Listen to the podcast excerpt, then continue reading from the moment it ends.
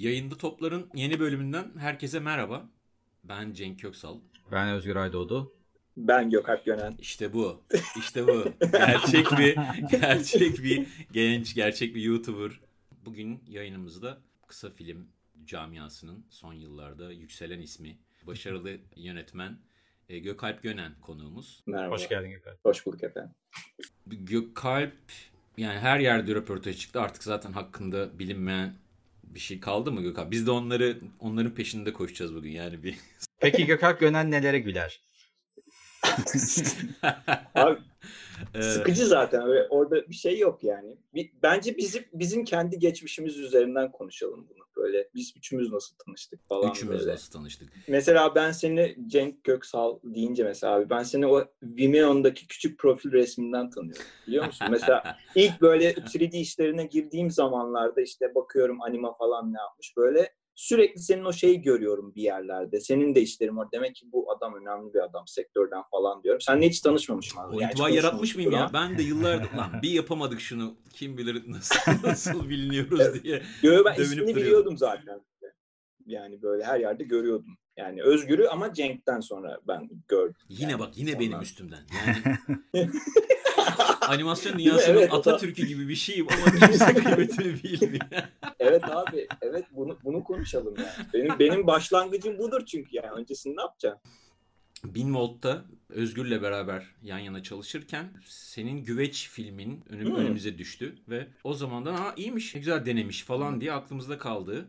Sonradan başka hmm. işlerin çıktığında ha bak o güveci yapan çocuk hani hatırlıyor musun falan diye birbirimize hatırlattığımız bir şeydin. Bir animatör Animatör diyebiliriz herhalde. Evet. Biz Gökalp'le Kayseri Altın Çınar Film Festivali'ne jüri olarak gittiğim sene e, önümüze gelen animasyon filmlerinden en iyisinin e, Gökalp'in Altın Vuruşu olması sayesinde tanıştık. Jüri olarak tartışıyoruz ediyoruz böyle hangi film kaçıncı olsun puanlar falan. Gökalp'in zaten birinci belli diye herkes hem bir anda hem fikir olduk yani filmi izledik. Birincimiz zaten belli, ikinci, üçüncü kim olacak onları tartıştığımız bir jürilik dönemi geçirdikten sonra dereceye girenleri de festivalin yapıldığı yere Kayseri'ye davet etmişlerdi. O vesileyle Hatta dolmuştaydık tam tanıştığımız anda. Sen hatırlıyor musun onu? ona, girecek, kötü bir... ona girecek miyiz? anlatacağım abi. Anlatacağım ne kadar kötü bir jüri olduğunu anlatacağım. Buyur. Dolmuş dediği bir servis ayarlamışlar bize. Herkes için de gidiyoruz. Evet ben müthiş heyecanlıyım. Çünkü filmim bir festivale kabul almış tamam mı? Benim için yeni bir şey bu tanıttım kendimi ben Gökalp Gönen diye. Bunların arasında bir şey oldu. Ha bak Gökalp falan filan diye böyle beni gösterdiler. Orada bir, bir nasıl oldu bilmiyorum ama ödül aldığım ortaya çıktı. Cenk ağzından kaçırmıştır kesin. Gök, Gökalp en arkada ben de bir önünde sohbet ediyoruz falan işte. Ya işte çok iyiydi filmin bilmem ne. Dereceye girdin falan filan diye geyikliyorduk. İşte diğer arkadaşlar nerede falan. Ya işte üçüncü e, bugün gelecek ikinci de gelmedi dedim ben buna. ben orada matematik çok genius. Aa, çok... demek ki birinci benim. benim kuramadığım matematiği okurdu o anda. Yani birinci mi oldum ben dedi bir 3-4 saniye falan ben böyle bir sessiz kaldım. Diğer jüri arkadaşlar falan poha diye koptular. Allah kahretmesin seni abi diye böyle kapaklandım. Yok ya güzel oldu. Sindire sindire yaşadım 5 gün. Ödül gününe kadar ee, açıldım böyle. Bunun rahatlığı güzel. Nasıl kazanacağını biliyorsun falan. Böyle bir de öteki animatörlere çaktırmıyorum falan. Dereceye giren bir çocuk daha var falan böyle ya abi işte artık iyi olan kazansın falan. ha senin bir öyle bir sürecin oldu değil mi? Onlarla da yan yana olmak durumunda tabii, kaldın. Tabii tabii. O zaman da söylüyordu abi işte freelance işler yapıyorum falan filan. Ee, ve o zamandan beri de bir bilmem yani böyle başka sohbetlerimizde de açık etmedi. CIA mı çalışıyor? Ne yapıyorsa artık. Ticari işler, ticari işler. Başka röportajlarında da ticari işlerim var. Onlarla ilgileniyorum. Ne yapıyorsun oğlum sen? Aslında gerçekten çalıştığım firmalar biraz dark böyle şey petrol firmaları var. yani çoğunlukla enerji şirketlerine iş yapıyorum gerçekten. Şöyle oldu abi. Barış Gürsel var. Belki sen duymuşsundur. Bizim okulda hocamız da ses dersi veriyordu. Ve bir dönem şey dedi, bir tane iş var, 3D bilen kimse var mı? E, paylaşalım bu işi onunla falan diye.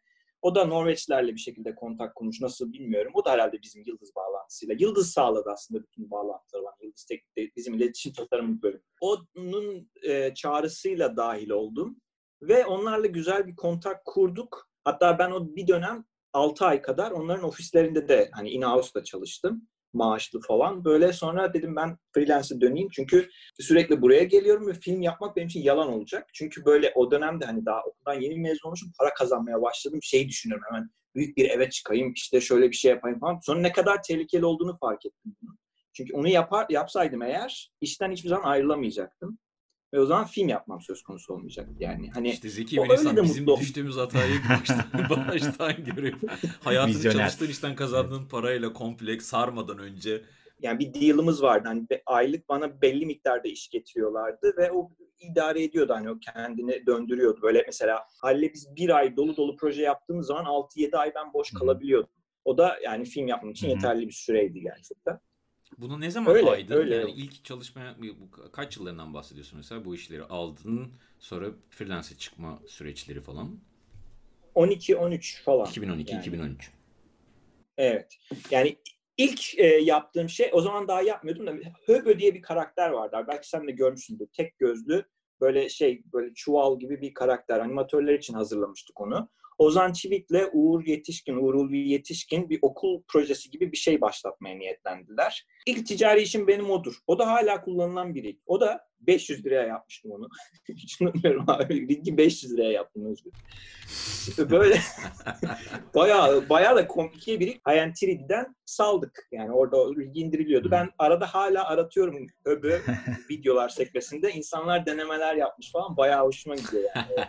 Sonra ben rigging skill'lerini falan kullanmadım. Çok çünkü rig çok zor. O yüzden benim yaptığım işler hep şey oldu. Böyle obje animasyonları, işte endüstriyel şeyler olmaya başladı. Karakterin içerisinde olmadı. İşte trenler var, köprüler var, yollar var, elektrikler akıyor gidiyor. Böyle tanıtım Hani filmlerine koptun sen aslında. Aynen, aynen. Yani post skill'lerim gelişti ama mesela şeylerim işte karakter animasyonu vesaire hep zayıf kaldı o yüzden. O yüzden de zaten hani mesela altın vuruşta robot seçmemin en temel sebebi buydu. Çünkü e, ya hikayeye de çok iyi uyuyor bu arada ama en başında tamam dedim burada robot olacak çünkü ben gerçekçi bir karakterle bir hikaye anlatamam, iyi yapamam, kötü 3D olur sonunda. E, e, ne yapayım? Robotu güzel yapabilirim. Çünkü hani eklemlerin şeyi rotasyonu çok net yani e, fail olmadan çalışabilir. E, sonra robot üzerinden bu hikayeyi nasıl çeşit, çeşitlendirebilirim, yazabilirim diye aslında hikayenin çekirdeğini oluşturan o şey tembellik daha doğrusu tembellik değil de kaçış yani. Ya aslında o tembellik değil bence. O, o bence tam tersine vizyon. Yani elindeki Hı.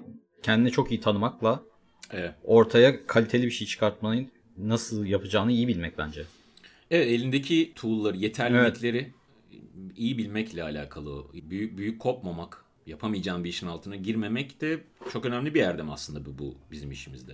Ya bir de siz biliyorsunuz hani 3D'yi kötü yapınca çok kötü Evet. oluyor. Yani 2D yine kurtarıyor hani bir üslubun bir şekilde yansıyor, bir atmosferi oluyor ama 3D çok fazla kötü örneği olduğu için sanırım kötü oluyor gerçekten. Ondan ben korkuyordum bayağı. Farkındaydım çünkü çok fazla kötü 3D film de izliyordum o dönemde. Hele o dönemde daha fazla patlamıştı bir şekilde. Herkes Yani zaten o o hala evet, herhalde o bir yerden sonra bir üsluba dönüştü. Kötü 3D diye bir üslup var mesela ki ben bayağı keyif alıyorum. Mesela Beautiful 3D World diye bir kanal var Vimeo'da. Bayağı adam bunun üzerinden yürüyor. İşte Mixamo'dan aldığı hazır mocap'leri böyle çok absürt şekillerde kullanarak işler yapıyor mesela. O da bir yerden yürüdü ama e, o dönemde bunu yönetmenler farkında olmadan Tabii, evet. kötü 3D yani. Aa kötü çıkmış O oluyorlar. Şimdi Onlar- kötü yapmaya Evet. çalışılıyor. Onlar iyi yapmaya çalışıp beceremiyorlar. Beceremiyorlar. Evet. Evet, o Ya zaman 2D, kötü duruyor. 2D'de de oldu, 3D'de de oldu. Şimdi content çeşitliliği mi, content açlığı mı? Eskiden bu ne lan olmamış, ne biçim iş bu denilen işlerin hepsi şimdi stil oldu, konsept oldu, tad Hı. oldu, doku oldu ve öyle bir giderleri oldu. Yani ben öyle düşündüğüm için, yargıladığım için, hala kötü bulduğum için söylüyorum aslında çok normal. Ee, Bu 3D için değil sırf modern sanatta da böyle. Her her konuda Evet. böyle zaten. ha. Bence orada temel şey özgüven. evet. Yani onu yaparken yönetmen ne kadar güveniyorsa kendine belli oluyor Hı. işte ve üslubu kötü olsa bile yani onu bilinçli olarak kötü seçtiğini hissediyorsun. Hani onu özgüvenle veriyorsa sana eğer özgüvense sizse şeyi hissediyorsun. Ama iyi olması için çabalıyor ama başaramıyor gibi bir his oluşuyor. O kötü bir şey.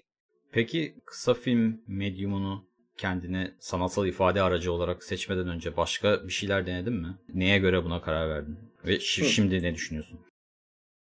E, abi hikaye anlatma dürtüsü Hı. aslında hep içimde vardı. Benim için en büyüleyici şey hala da öyle o hikaye anlatma. Çünkü insan ırkının bence yaptığı, keşfettiği en olağanüstü şey hikaye anlatıcılığı dedim abi. Yani hikaye anlatma benim böyle yapmak istediğim şeydi. Ama işte nasıl olacağından çok emin değildim. Hani nasıl hikaye anlatacağım. Yani onun başlaması aslında ta çocukluğa kadar uzanan bir şeydi. Çünkü ben onun büyüsünü çocukluktayken böyle biraz keşfetmeye başlamıştım. Yani çeşitli nesneler yapıyordum ve o nesnelere çeşitli anlamlar yüklüyordum ve benim yaşamım bir şekilde değişiyordu. Mesela işte çamurdan bir şey yapıp senin görevin bu deyip odaya koyduğumda o odanın atmosferi benim için değişiyordu. Yani benim için hani o hikayeciliğin aslında yaşamı böyle çok derinden etkileyen bir tarafı vardı ve bunları tasarlamayı, bunlar üzerine kafa kafa yormayı çok sevdiğimi biliyordum. Yani böyle işte güzel filmler izleyince, güzel kitaplar okuyunca iyice hani o, evet lan yani yapabileceğim en olağanüstü şey bu olsa gerek diyordum. Bir de Harry Potter serisine sarmıştım o dönem. Ben gerçek böyle işte kitaplar çıkar çıkmaz alan tam o dönemde yetişmiş birisiyim. Yani şimdi Harry Potter'ı okuyamam büyük ihtimalle. Çünkü biraz bence bayağı sığ bir hikaye ama o zaman çok seviyordum.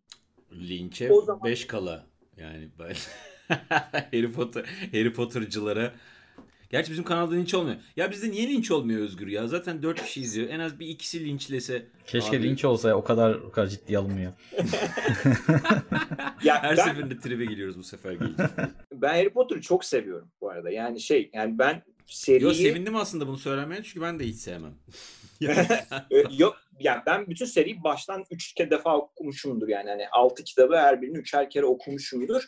Bir üniversitedeyken de okumuştum yani. Ama yani en büyük etkisini ilk okuduğum zamanlarda yapıyordu.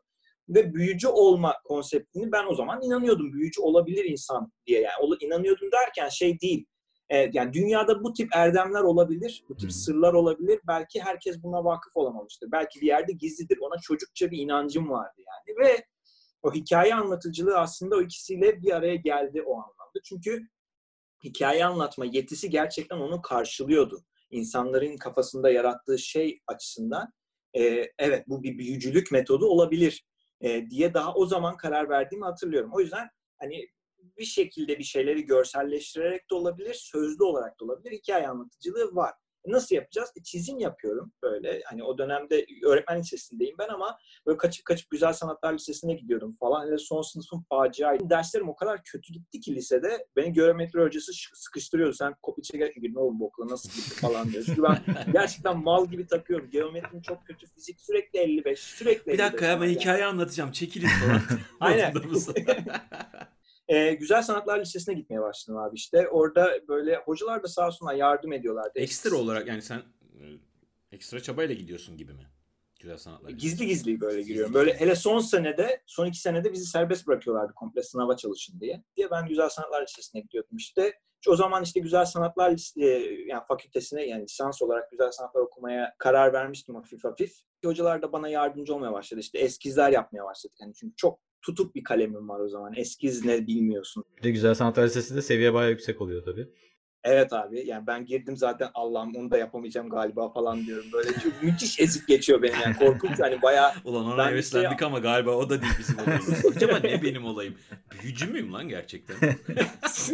Sonra ben 2007 yazında İstanbul'a geldim. İstanbul'da e, Şengül ablam vardı böyle bir akrabamız resim öğretmenliği yapıyordu. Benim bir resim kursuna yazdırdım Mimar Sinan Mezunlar Derneği'nin. Oraya gitmeye başladım falan. İşte o yazın sonunda ben güzel sanatlar sınavlarına girip bir bölüme girmeye çalışacağım. Mimar Sinan denedim, Marmara'yı denedim ve Yıldız'ı denedim. Üç tane okul denedim. Ve şansım Yıldız'da yaver gitti. Niye? Çünkü hikaye anlatıcılığı orada işe yaradı benim. Mimar Sinan kopmuş ya ben de girdim oranın sınavına. Zaten 3000 kişiyle bir arada giriyorsun. Yanında bir herif var böyle 50-70 şeye yağlıyor. Evet ya. Harş hurş harş hurş adam çizmiş oraya. Sen zaten daha oturtmaya çalışırken gölgeli falan koymuş herif oraya. 7 yıldır evet. bu sınava hazırlanıyorum falan diyor sana. evet çok 40 ya. yaşında adamlar var falan seninle giren. Sen böyle evet. Allah'ım buraya giremem herhalde falan diyorsun. Giremiyorsun da netice olarak. Yani. E, evet ben de giremedim zaten. Mimar Sinan'ın ön elemesini geçtim. İkincisini şey yapamadım. Ama orada işte Yıldız'da şey sordular bize. Sınav sorusunu hala hatırlıyorum. İşte kağıdın başında bir karakter var. O karakter bir yolculuk geçirecek ve yolculuğun sonunda başında mutsuzken sonunda mutlu olarak çıkacak geçirdiği ve işte 20 tane dönüşüm geçirmesi gerekiyor falan gibi şartları vardı. Tam hatırlamıyorum. Tam olarak ne çizdiğimi de hatırlamıyorum ama böyle hani benim kafamı çalıştırmamı sağlayacak Ve bayağı keyif alarak da yapmıştım o sınavı ve iletişim tasarımını öyle kazandım ben. İşte zaten onu kazanınca diğer Marmara'nın sınavına falan hiç gitmedim ben nasıl kazandım bir yer falan filan diye. Çünkü bizim bölümü oyun yapacağız falan diye yazıyordu kataloğunda bayağı yükselmiştim ona ben. Hiçbir zaman oyuna da merakım olmadı sonrasında ama neyse öyle girdim abi. Ne ne ne bunu mu yapıyoruz? Oyun yapacağız ne abi? Biliyor musun biraz biraz benziyor aslında. İkinci sınıfta basit interaktivite hep böyle işte fiziksel şeyler üzerinden yürüdü. Yani dijitale biz uzun süre girmedik. Mesela işte fiziksel bir kübün etrafında ipleri bağlayarak oyunlar falan yaptık mesela. Bizim bölümün temeli ha. Öyle oyun diyorlarmış. Çok, evet arkadaşlar bugün vardı uzun ama... eşek çalışıyoruz falan diye hocası. yo yo evet temeli oydu abi bence. Bence de faydalıydı çünkü kendi düşünmeyi öğretiyordu bize o dönem. Ee, sanatçının değişik disiplinler öğrenmesi gerekliliği üzerine sizi başka başka işler yapmaya zorlamalı. İşte ses tasarımı, ses bölümü Aha. öğrencileri gelip resim çiziyor sizin bölümde. Siz gidip sesle ilgili bir proje yapıyorsunuz falan gibi bir şeyler olmuş. Evet. Ondan bahsetsene biraz. O benim bayağı ilgimi çekti. Evet. Ee, e, çok abi, enteresan bir donanım şekli. Evet, en güzel şeyiydi bizim okulla ilgili olan. Temel tasarım dersi diye bir ders vardı. Oydu sanırım. Her hafta farklı bir hoca giriyor. Bir hafta sesin hocası giriyor, bir hafta bir tane edebiyatçı giriyor, e, bir hafta bir mimar giriyor falan böyle. Hepsi kendi disiplininden bizim ortak paydada buluşabileceğimiz bir şey anlatıyordu. Ve biz ödevler hazırlıyorduk. Ve orada ben aslında hani sinemacı için bence en önemli şeylerden birisi çünkü sinema aslında bunların hepsini bir yerde barındırıyor. Evet. E, onların farkındalığına eriştim yani biraz. Yani mekan neden önemlidir? İşte ses neden önemlidir? Sesin etkisi ne olabilir? Falan. Çünkü ödev yaparken sesi medya olarak kullanıyorsun. Evet bununla ben ne yapacağım diye ilk defa düşünmeye başlıyorsun. Daha birinci sınıftasın. O bayağı olağanüstü bir açılmaydı bizim için. Ee, evet kimse bizden müthiş bir mixing, mastering beklemiyordu ama sesi bir medium olarak kullanmamızı bekliyorlar. Fikrinizin olması için evet. çabalamışlar. Yani bu da evet. aslında çok iyi bir yöntem çünkü ço- çoğumuz için bunların hepsini ya sektörde öğrenmek zorunda kalıyorsun ya da hiç öğrenemeden hayatına devam evet. ediyorsun. Başkaları evet. devralıyor çünkü bu görevleri ya. Evet, evet. Bu biraz şey getirmedi mi sana? Tek kişilik orkestra e, her şeyi yapabilen adam e, donanımı getirmiyor mu? Evet yani her şeyi tam yapabilen adam değil. Her şeyi biraz biraz, Her biraz şeyden biraz yapabilen evet. adam. Gerilla tipi film ha, Aynen aynen. Ya ben şey metaforuyla açıklıyorum onu işte hani çakı olmak. Çakıyla et de kesersin ama et bıçağı gibi güzel kesemezsin. Tam istediğin gibi olmaz ama yapar. İşte ben hani kendimi o anlamda çakıya benzetiyorum. Ben, bir de bölüm bizi aslında bir oralara itti. Yani ben ilk başta hikaye anlatıcılığını karikatür üzerinden devam ettiriyordum. Uykusuz dergisine, Penguen'e amatör çizgiler götürüyordum. Her hafta e, özellikle uykusuzla çok derin bir ilişkim vardı. Yani çok derin dediğim yani orayı daha ben benimsemiştim. Çünkü yeni açılmıştı uykusuz o zaman. Daha yeni başlamıştı yayın hayatına 2008 civarında. Her hafta bize bir mentor bakıyor. Bir Umut Sarıkaya bakıyor, bir Ersin Karabulut bakıyor, bir Uğur Gürsoy falan. Yani en önemli adamlar senin işine direkt bakıyor, üzerine konuşuyoruz. Ve bizim için müthiş bir fırsattı ve ben bunun için para ödemiyorum. Yani bayağı olağanüstü bir şeydi o dönem. Ben o dönem çizgi öyküler de çizmeye başladım böyle hikayeli böyle uzun bütün sayfayı kaplayacak kadar. Ersin Karabulut özellikle bunları bayağı iyi yapıyorsun dedi ama yani bunları ben dergiye koyamam ama çizmeye devam et dedi. Güveç mesela öyle çizdiğim bir öyküydü benim zamanında. Yani onu çizip bir kenara kaldırmıştım. Okulun da getirdiği o dijital araçları kullanma şeysi hani ödevlerde falan bir şekilde lazım oluyor. İlk işte Photoshop öğrenmeye başladık. O zaman işte video işi girdi içine. Hadi After Effects öğrenelim biraz. Biraz Premiere öğrenelim. Burada şu yapılıyormuş falan derken her şeye biraz biraz giriyorduk. Ben ZBrush'ı öğrenerek başladım. İşte bir seminerde ZBrush'ı görüp Dedim ben bu 3D işini öğreneceğim. Çok güzelmiş falan diye. ZBrush'ı da öğrenirsem her şeyi yapacağımı zannediyorum. Animasyonundan, renderına her şeyini halledeceğimi zannediyorum. Ha, büyük aymazlık içindesin aslında. Aynen. Hiç bilmiyorum abi. Aynen. ben Ve bu bayağı... ZBrush'la yürürüm. Hmm, her şeyi aynen, yaparım. Aynen sonuna kadar da gittim bayağı işte sculpt ediyorum falan böyle. Bir noktada lan evet. oğlum yapılmıyormuş o kadar şey olmadı mı ya? ben şeyi hatırlıyorum abi. Her program açtığımda ya bunun animasyon şeysi nerede ya böyle. ben bilmiyorum herhalde yani. diye düşünüyorsun değil mi? Aynen. Gelecek herhalde bir gün göreceğim onu falan diye böyle. Ya sonra işte hani merak edince hani internette de karşına çıkınca böyle Maya kullanıyormuş insanlar. Cinema 4D falan o zaman o da yeni çıkıyor böyle o zaman popüler oluyor falan. Ne yapılıyor bunlar falan diye. Ha okey tamam böyle bir dünya var işte Max Maya aynı ama işte şu o anlamda güçlü o anlamda güçlü öğrenmeye başladım. Forumlarda daha fazla vakit geçirmeye başladım. Ee, bir tanesini öğrenmem gerektiğine karar verip işte CG Talk o zaman çok popülerdi. Şu an o kadar aktif kullanılmıyor sanırım. O zaman hmm. bayağı aktif kullanılıyordu. Hmm. CG Talk'u açtım abi. Baktım her pro- program için bir topik var tamam mı? Yanında da kaç başlık açılmış, kaç cevap verilmiş yazıyor. Maya en fazla başlık açılmış olan konuydu orada. Dedim ki ben Maya'yı öğrenirsem çok fazla kaynak bulabilirim hani bu bakımdan. Çünkü sektör standartıydı o zaman. İnanılmaz Yani çünkü- bilinçli. Evet. Şaşırarak dinliyorum. ben de dinlerim. Ben olsam birine sorardım. Abi Maya mı Max mi? Hala yapıyorlar. Hala yapıyorlar ya. Maya mı Max mi abi sence? Sinema 4 diye ne yapayım? Evet, evet, evet. Yani çünkü o zaman da hala cevap verilebilir bir şey değil ama ben kaynak olayına düştüm orada yani. Kaynak bulabilir miyim diye. Çünkü internete erişimim çok kısıtlıydı abi. O zaman sıkıntım oydu. Yurtta kalıyordum. E, laptopum yoktu. İlk senede böyle arkadaşlarımın bilgisayarını alıp falan öğreniyordum bir yerde. Photoshop falan başkasının bilgisayarını da öğrendim ben. İlk Work and Travel'a gidip para kazanıp aldım böyle ben laptopumu. Hatta Toshiba Cosmio diye alev desenli kırmızı bir laptopum vardı. Derste açıyor, açıyordum böyle.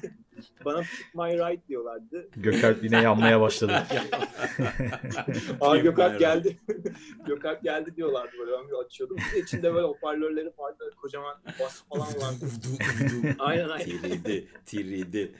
Gü- güveçi onda yaptım mesela. Neyse abi işte e, kaynak toplama olayına giriştim. E, çünkü o dönem şeyi de fark ediyordum böyle yani okulla birlikte öğrenemeyeceğim ben bu işi. Yani tamam okul bana bir şeyler veriyor ama benim asıl yapmak istediğim bu değil. E, benim okuldan bir şekilde uzaklaşmam lazım öğrenebilmek için diye. Çok aceleci de davranıyordum yani. Okey Maya'yı seçtim. Bütün o Maya tutorial'larını indirdim. Sonra hepsini bir DVD'ye yazdım. Sonra işte 2010 yılı içinde abi şeye gittim. E, Hatay'a gittim ben. Bir sene kapandım. Ben evde kapanıp 3D öğreneceğim. Okulu dondurdun. Aha, okul dondurdum. Muhtarlıktan fakirlik belgesi aldım. Dedim ben okula devam edemeyecek durumdayım. Ondan sonra muhtarı gidip e, ikna mı ediyorsun muhtarı fakir olduğuna dair? Böyle burayı Aynen, yırtıp ya. falan mı gidiyorsun? Muhtar tanıdıktı. O yüzden verdi. yani bu, bu da bold bir karar bu arada. Çok cesurca Abi bir karar. müthiş bir hikaye bu ya. Yani şöyle oluyor hep hayatımızı formüller ve şey- şeyler üzerine yaşıyoruz. Yani gideceğin yollar belli Ee, Hı hı. ve onların dışına çıkmana çok fazla izin yok çoğumuz için. Okul okulsa okulu bitireceksin yoksa sorarlar yani. O yüzden seninki bayağı cesurca bir kararmış yani. Hem buna karar verebiliyor olmak, okulun senin okuldan alacağımı aldım ve artık e, kendi e, yapacaklarım için okuldan uzaklaşmam lazım kararını almak hem de yapabiliyor olmak da enteresan. Ailen nasıl karşı yani ailenin tutumu ne bu arada? Ailem şurada gardı indirdi abi. Aslında bizzat ve benim o kararı alabilmemi sağlayan da şey buydu. Şimdi okulda lise döneminde bir eziklik vardı dedim ya. Yani ben böyle işte güzel sanatlar okuyacağım, sanatçı olacağım falan filan. Şimdi o da bir bold karardı aslında o dönem için. Ve bunun sonucu çok iyi oldu.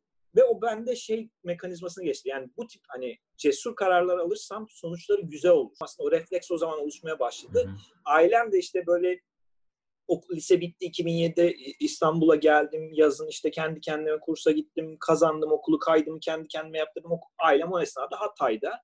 Benim bütün bunları tek başıma çeviriyor olmam, okulumu kazanmam falan filan tamam. Bu herhalde ne yaptığını biliyor. Bu çocuk ne Biz yaptığını biliyor karışmayalım. oldular yani. Aynen. Hiçbir zaman bana bir şey sormadılar yani. E, elbette lise döneminde güzel sanatlar istememi çok şey yapmamışlardı ama e, O normal ya. Benimkilerde de oldu. Beni de meslek lisesine gönderdiler. Türk ailesinde yani o özellikle orta direkse eğer şey oluyor.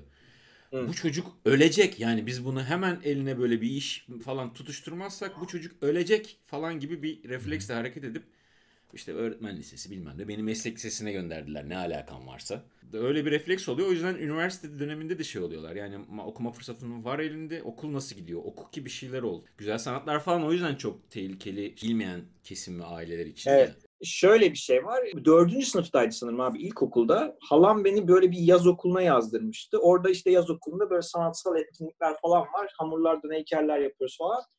O dönem öyle, ben hatırlamıyorum bu olayı. Sonradan bana anlatılıyor. Bir şey diyaloğuna girmişim böyle. Heykeller yapıyorum. Hocalar çok beğeniyor. Senin buna hevesin var. Bununla ilgili bir şey yapacak mısın falan. Ben bir acitasyon yapıyorum abi orada. Evet ben çok istiyorum ama ailem müsaade etmiyor falan filan diye. Ve o iki... Satmış hemen şerefsiz. Hiç öyle bir şey de Ve- yok. Sormamış ailesine daha. aynen aynen. Hiç ortada yok. Ben oradan drama çıkartıyorum böyle güzel saatler falan. Bunu elde etmem lazım gibi. Böyle yani ben emin değilim asla yani konuyla ilgili pek bir fikrim yok. Ama işte onun acitasyonuyla o iki öğretmen aileme mektup yazıyorlar abi. O mektubu hala saklı. Ama çocuğun işte şeyine müsaade edin falan diye aslında iyiymiş. orada orada kırılıyor biraz. Hani Hmm, eğitimcilerden böyle bir Bunlar şey geliyor. Hatay'da oluyor değil mi bu arada? Yok o mektup Ankara'daki bir Ankara'daki. okuldan yazıldı. Eyvallah. Aileme Aa, çok gönderildi falan. O Evet. belki şey etkili olmuştur hakikaten çünkü bizim kültürümüzde hep bir otorite şeyi var ya.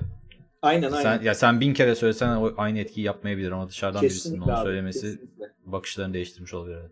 Evet, benim hocaları bulup teşekkür etmem lazım ama.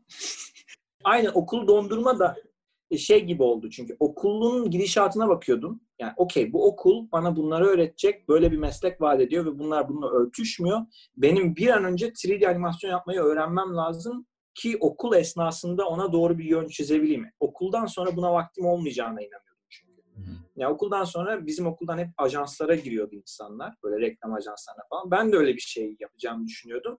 3D animasyonu öncesinde öğreneyim ki ajanstan kalan vaktimde film yaparım falan gibi düşünüyordum yani. Abi Biraz çok- boyun çok- eğmiştim. Çok yaşının ötesinde şeyler ya. Gözlemler ve ona göre alınmış İnanılmaz aksiyonlar. ya, Allah- ben- ya gerçekten ben-. Çok bilinçli yani. evet. Ben de o yılları yaşadım ama mal gibiydim yani. Mezun oluruz. Orada Ya biz güzel- maldık resmen evet. Yok hiçbir abi. hiçbir şey konusunda fikri hiç gözlem yapmamış. tamamen akıntıya kaptırmış kendini gidiyor böyle. Suda böyle gidiyoruz gibi bir şeydim ben öyle hatırlıyorum kendimi. referans noktam vardı. Yani bu bu John Hertzfeld var ya e, o, o da bir kısa filmci. O bayağı VHS teyplerle falan yapıyor animasyonlarını. Çok ilginç bir üslubu var. Ama o adamın böyle işte şeyini hatırlıyorum. Bütün ticari işleri reddetmesini ve tembellik hakkının ne kadar önemli bir şey olduğunu konuştuğunu falan hatırlıyorum yani. Hani insanın boş vakte ihtiyacı vardır. Hani Ben bunu nasıl elde edeyim? Yani kariyerimde en önemli yere koyduğum şey oydu. Tembellik hakkına nasıl sahip olabilirim? Nasıl boş zaman yaratabilirim falan. Hala çok bilinçli yani şeyin e, gidişat yani tembellik hakkı dediğin şeyi de ben çok geç öğrendim yani. Bütün her şey oldu Evet. bitti bir ka- kariyerim Evet. oturdu falan. Aa, Evet lan tembellik aslında hani ihtiyacımız olan bir şey üretmek için ihtiyacımız olan şey. Bir dakika ya olay para değilmiş. Şey, Aa değil miymiş? Geliyorsun ama yani evet. 10 yıl falan kaybediyorsun o arada evet. ya işte hayatın akışına ve şeyin o öyle bir kaptırıyorsun ki kendini ama içimizde e, bir şeyler üretmek isteyen biri var. Boş zaman yaratması gerektiğinin farkında değil. Ama hep o istek var. O yüzden o bir acıya dönüşüyor bir süre sonra. Çünkü görüyorsun ekiplerle ve ya da kendi başına neler yapabildiğini, kapasiteni görüyorsun ve bununla sadece sana para ödendiği için yaptığın işler dışında bir şey yapmamak artık acı vermeye başlıyor insana. Senin bu o zamanlar vardığın bilince varamadığın süreci gerçekleştiremeyeceğin bir şey. Ya Çünkü bunu sisteme hem- oturtman bence en büyük fark yaratan bu olmuş. Evet çünkü hep şeyin Sistematik yan- bir şekilde bunu planlaman düşünüyoruz. Yani işte çalışırım hani hayatımı bir şekilde kazanmak zorundayım. Bu paraya ihtiyacım var. Onu da kalan vakitlerimde yaparım. Evet şey gibi değil yani herkes yatar ben de ondan sonra oturur bir şeyler yaparım gibi değil. Bunu böyle düşünüp işte önümüzdeki 6 ay ben ne yapacağım? Onu şunu azaltmam lazım. Şuna süre vermem lazım. O bence fark yaratmış evet. Ama işte o- onu o refleksleri geliştiren de aslında yine bol karar, Karar alma. alma evet evet. Niye? Çünkü bol karar alıyorsun. Okey ben büyük bir şey yapacağım ve çok ağır sıçabilirim. Sıçmamak için ne yapmam lazım? Aslında o yani o tip sert karar almanın öyle güzel bir tarafı var. Daha fazla düşünüyorsun. Ben bundan en fazla nasıl alabilirim istediğimi falan diye böyle. Oturdum bayağı bir hafta programa çalıştım sadece. Yani nasıl ilerleyecek bu bir yıl. Yani işte ilk iki ay modelleme. Modellemede nasıl bir rota izleyeceğim? Hard surface mi şey ihtiyacım var? Bence ikisine de ihtiyacım var. İşte kendime fotoğraf çekmek için de zaman ayırıyorum. Çünkü fotoğrafa da çok derinden bir bağım var o dönemde. işte dedim ya. Ha, o zaman falan. güveç var mı gündemde yoksa sadece 3D mi öğrenmeye çalışıyorsun? Güveç işte o yılın bitirme projesi. Sonu. Hı, anladım. Hmm. Yani işte e, Mayıs'a kadar çalıştım ben. Mayıs'tan sonra tamam öğrendim. Rig biliyorum, animasyon biliyorum falan. Biliyorum dediğimde zaten işte hani kemik dizebiliyor falan. Yani bildiği kadar. Ama yapabiliyorum falan. O zaman bir film yap. Hani madem öğrendin, bütün bu skill'leri bir araya getirebileceğin yer neresi? Bir tane kısa, film. Evet. Yani kısa film yapıyorum ben diye değil aslında. Güveç'in yapılma amacı kendime o bütün o branşları öğrendiğimi ispatlamak. Aslında öyleydi yani. Hani ben o zaman sinema yapıyorum diye düşünmüyordum asla. İşte o 2010 senesi benim için böyle bayağı ev, şey kalkıyordum sabah gece rüyalarımda görerek ne kadar çalışıyordum. Yani mesela gece yatıyordum rüyamda rig çözmeye çalışıyorum falan böyle. Rig'in scriptini yazmaya çalışıyorum. Patlıyor işte kemik atıyor falan böyle. Öyle rüyalar görüyorum. Öyle ha ha ha ne ne ne anne rigim patlıyordu uyan. Evet. da- Ailenle yaşıyorsun değil mi bu arada? Aynen. Zaten o kadar zamanı aileyle yaratabilirim. Yemek hazır falan böyle. İşte bizim Bir de- oğlan da deli deli şeylerle uğraşıyor falan diye annen e, sandviç getiriyor odaya gibi. Bir, dö- bir dönem gerçekten öyleydi. Çünkü animasyon kısmına geçtiğimde böyle şeylere çalışıyorum işte bir şey itme, e, klasik işte kaldırma falan filan diye. Yukarı dama çıktım. Kendi kendime fıçı itiyorum, çekiyorum falan. Referans videosu çekeceğim şey, çalışmak için. Bey bizim Annem oğlan. gel- Şeyi unutmuyorum böyle. Annem geldi elinde çay, e, kek böyle. Ben de fıçıyı itiyorum ama böyle yani Tabağım düşürdü şöyle. e, yani böyle bir durdu. Yani çünkü o fıçıyı itmenin bir anlamı yok orada yani. Hani bir iş mi? Çünkü çok e, şey animatif itiyorum tamam mı? Hani böyle gerçekçi itme değil yani. İş yapıyor olsan fıçıyı itersin ya da Sonra bir yuvarlarsın intervention falan. yapmış ailesi. Oğlum biz e, psikologla görüştük. Gelsin dedi. Sen ne diyorsun? Bak o, o da oldu biliyor musun? Lisede çizdiğim şeyler böyle o kadar kanlı. Of bir tane resim var onu hiç unutmuyorum. Anlatacağım yani utanç belgesi benim için. Şey bir tane adam var böyle şeye resim tablosuna ulaşmaya çalışıyor tamam mı? Böyle vücuduna ka- şeyler kancalar saplanmış. O sa- iplerle kitaplara bağlanıyor. Kitaplarda da işte Ahmet Muhan Soru Bankası falan böyle şey LGS Soru Bankası falan öyle şeyler çiziyordum. O zaman çok korkuyorlardı işte. Oğlum senin bir derdin mi var ya Anne derdimi görmüyor musunuz? Anlattım işte. Her şey orada. Bana sormayın artık. falan. Tamam tamam. Tamam abi. Yani gerçekten. Bir de hani o hiç Daha kendimi nasıl ifade böyle- edeyim ha? Aynen her şey çok ortada yani. Hani anlamıyorsan ne yapayım ben de falan. Ne diyorsun İşte oğlum? öyle- Doğru düzgün söyle. Öyle bir dönem oldu işte. Abi o sene bittikten sonra zaten işte güveç yaptım. Güveç e, ben yapar yapmaz internete koydum ve garip bir şekilde o dönem paylaşıldı. E, sebebi de sanırım gerçekten öyle işler çok çıkmıyordu o dönem. Yani Hı. siz de biliyorsunuz Türkiye böyle hani kısa film, 3D kısa film falan zaten Türkiye'de hala da çok Hala çok da. çıkmıyor ya. Yani ben de yani ilk mezuniyet filmimle e, İYAF vardı İstanbul Animasyon Festivali. Hı. On, onda dereceye girdiğimde falan e, gösterimine gittiğimde yani ödül aldığıma sevinemedim. Ve festivalin kalitesini e, yerdiğimden değil Tür- Türkiye'de animasyonun yerini anladım o zaman. Aynen, Zaten evet, yani de. çok fazla iş yok ve olan işlerin çoğu dandik. Benimki de dandik bir filmdi. Ama bunların arasından ödül alması e, çok şey yapmıyor insanı. E, o zaman o, o, o hisse kapılmıştım yani çok böyle. Yani tarz olarak da olan filmlerin çoğu klasik hikaye Evet. anlatım yöntemlerini takip eden şaka üzerinden filan giden genelde. Evet. Şaka Standart bile değil abi. Çoğu evet. dark ve böyle dertli gibi. Dertli. Ha anladım evet. Anladın mı? Senin e, soru bankasının kancalarla adamın şeyine bakılmışın animasyon versiyonları aslında çoğu. Hı hı. E, ve ama üretim sayısı çok az. Kıs- animasyon kısa film yönetmeniysen görüyorsun ki bir sene içinde 2 3 filmle falan yarışıyorsun aslında Türkiye'den katılan. Öyle Evet, değil mi? evet. Senin için senin izlenimin ne bilmiyorum. Sen daha güncelsin. Ben de abi aynen ya eğer aldığım ödül animasyon sekmesindense benim için çok fazla bir şey ifade etmiyor. Ama şey olursa ediyor. Bütün filmlerle yarışıyorsam eğer. Ki bence zaten artık festivallerin yapması gereken şey o. Animasyon de, evet. deneysel kurmaca yarıştırıyorsan bir tane de Grand en iyi film ödülün olması gerek. Hı hı. Hepsini Bir yerde kapsayan. sadece- Hı. Aynen. O zaman gerçekten tatmin edici bir ödül ortaya Evet. çıkabilir. Yani evet Türkiye'de bütün ödülleri alıyorum Golden Shot'la bakıyorsun ama Ansi'ye girememiş yani. O Hı zaman soruyorsun "Ha, demek ki ben o kadar iyi değilim yani. Yok, yoksa Evet. kaptırabilirim kendime. Ben en iyisiyim canım falan da. Evet evet. Çıkmıyor iş çünkü bence yine bizzat tembellik hakkının kendisiyle alakalı. Çocuklar okuldan mezun olduktan sonra belki toparlıyorlar bir iş çıkarıyorlar. Sonra zaten bir yere girip kaybolup Herkes dağılıyor. aynen film yapma fırsatı bulamıyor. Yoksa Türkiye'de yetenekli adam çok yani. Bir noktadan sonra şeyin de önemi yok. Zamanım olsa inanılmaz şeyler yapacağım diye bir bahane de yok. O da işin bir parçası işte. O zamanı yaratmak zaten en önemli tasklardan biri bu kısa filmi yaparken. Ona göre Evet, hayatını evet. planlamak, onun için işte bedel ödemek, ödün vermek, bir şeylerden taviz vermek, bir şeylerden feragat etmek zaten hepsinin birleşimi aslında. Hepsinin Evet sonunda abi çıkıyor ortaya. şey proje. geliyor nokta çünkü öbür türlü. Biz de yaşadık. Ben, biz de o kafalara geldik yani. Hı hı. Yani gelsin biri bana 6 ay geçinebileceğim parayı versin sen beni o zaman gör. Moruk öyle bir şey olmayacak. Böyle Kimse bir sana- şey yok. Öyle bir şey hiçbir zaman olmayacak. Hı. Al bakalım Evet. şu bond çantayı. Klik. Bunun içinde 500 bin dolar var. Sana bir sene mühlet. Ne yapabiliyorsun göster falan. Öyle ne olacak ama böyle bir şey olmayacak yani. Hiçbir şey yapamaz kesin yani. Çok ya bir de ya yapamazsın yerse. Aa, Las Vegas. Sanki bilmiyorum ben. Neler yaparım abi. Yüzüklerin efendisini çıkarırım. Verin bana parayı. Ih, çıkarırsın. Bunu çıkarırsın. Sonra zaten sonunda da teselli zaten yapamayacaktım diye kendini teselli eder. Ya yok ona da bahane. Ya şey olmadı, o olmadı, bu olmadı.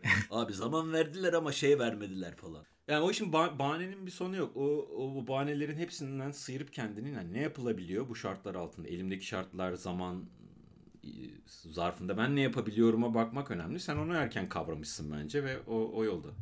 Şöyle de bir şey var abi. Bence biraz cahil cesareti de gerekiyor. Biraz aptal olmak gerekiyor başında. Yani ben o dönemde gerçekten iş görme anlamında e, bayağı eksiktim. Çok fazla iyi iş bilmiyordum, iyi film bilmiyordum. Ben sadece üretmeye, tekniğe odaklanmıştım uzunca bir dönem. Yani hani tüketmiyordum çok fazla. Dışarıdan almıyordum. O yüzden neler varmış ya demiyordum. Kendi yaptığımın çok iyi olduğuna inanmıştım o dönemde. Bu cehalet işe yarayan bir şey abi. Çünkü hani senin motive bir şekilde devam etmeni sağlıyor. Eğer çok iyi işler görürsen burada bir sınav başlıyor senin için. Onu yani ben şimdi bir şey yapacağım. Bundan daha kötü olma ihtimali çok yüksek ama onun kadar iyi olabilmesi için benim bunu yapmam şart. Hani bu dersi çıkarmak kolay bir şey değil. Ben çıkarmak zorunda kalmadım çünkü zaten bilmiyordum o işi iyi işi yani. Yaptım bir şekilde. Yaptıktan sonra ha o kadar iyi değilmiş dedim ama yapmışken öğrenmiştim artık zaten. Bir sonraki adıma geçebilirdim yani. yani o cehalet faydalıydı aslında bir nebze benim için. Büyük sanatçılar hep şey noktasına gelir ya bir yaştan sonra. Bildiğim her şeyi unutmak istiyorum. Evet. Öğrendiğim her şeyi unutmak. Onun gibi bir şey aslında. Yani tam, her şeyi o keşfetme olarak. noktasına geri gelmek ve bilmeden dalmak aslında işin içine. Şimdi biz bir şeylerin ne kadar zor olduğunu bildikçe aslında onu yapman da o kadar zorlaşıyor. Kesinlikle evet, abi. Gözünde büyüyor. Hiçbir evet. zaman başlayamıyorsun falan. Evet. Kıyaslar başlıyor bu sefer.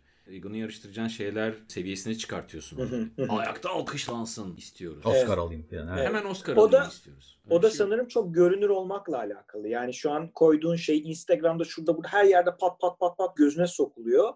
O yüzden sen çok çıplaklığınla ortadasın. Bu da Hı-hı. insanları geriyor büyük ihtimalle. Koymaktan alıkoyuyor. Evet. Çünkü onlarla aynı evet. metraya koyulacak. Benim o da mesela avantajım. Şimdi 2010'da nereye koyacaksın filmi? Vimeo'ya koyacaksın. YouTube YouTube zaten öyle YouTuber'lık vardır belki de yani öyle çok şey değildi o zaman. Bilmiyorum ya da ben bilmiyordum. Vardı da ben bilmiyordum dediğim gibi. işte büyük bir özgüvenle koyduğumu hatırlıyorum mesela. Bence bu seninle değil, insanın kendini nereye konumlandırdığıyla alakalı Morg. Yani o zaman mecranın çok yaygın olmasıyla değil, kendini nerede konumlandırdığınla alakalı. Hı, evet, yani evet. sen Cenk Köksal'dan böyle iş çıkmaz diye düşünürsem hiçbir şey yapamam anladın mı? Abi ben deniyorum. Ben bunu yapabildim. E, buyurun buyurun yerelim. Hep beraber boklayalım. E, bir dahakine evet. daha, daha iyisini yaparım. Yani böyle böyle gelişeceğimi kaldıramıyorsun. Zaman ilerledikçe daha da kaldıramıyor oluyorsun. Yani tecrüben, Aynen. kariyerin gittikçe geliştikçe daha da kaldıramıyor oluyorsun. Dezavantajımıza işliyor aslında. Bir şey yapmadığımız yıllar e, içimizde daha da şeyi arttırıyor. Artık daha da iyisini yapmalıyım. Hani Aynen. Ben şu anda daha, daha iyi daha iyi üretmiyorum. Ha şimdi bu kaçıncı, dördüncü kısa film, beşinci kısa film olacak. Ya, yani, ya da yeni bir şeye başlarsam işte bilmiyorum ne olur ama daha kolaylaşmadı benim için Hı-hı. işler. Çünkü hep problem keşfettim şu ana kadar. Hı-hı. Filmlerime baktığım zaman ben Aa, o, bak burada en eksik şey bu. Bir sonrakinde bunu düzeltmem lazım. Düzeltilecek yeni şeyler keşfediyorum aslında her seferinde. Tamam bu iyi bir şey. Bir sonraki işin kalitesi artacak demek oluyor bu ama senin üzerindeki gerilimi de arttırıyor. Hı hı.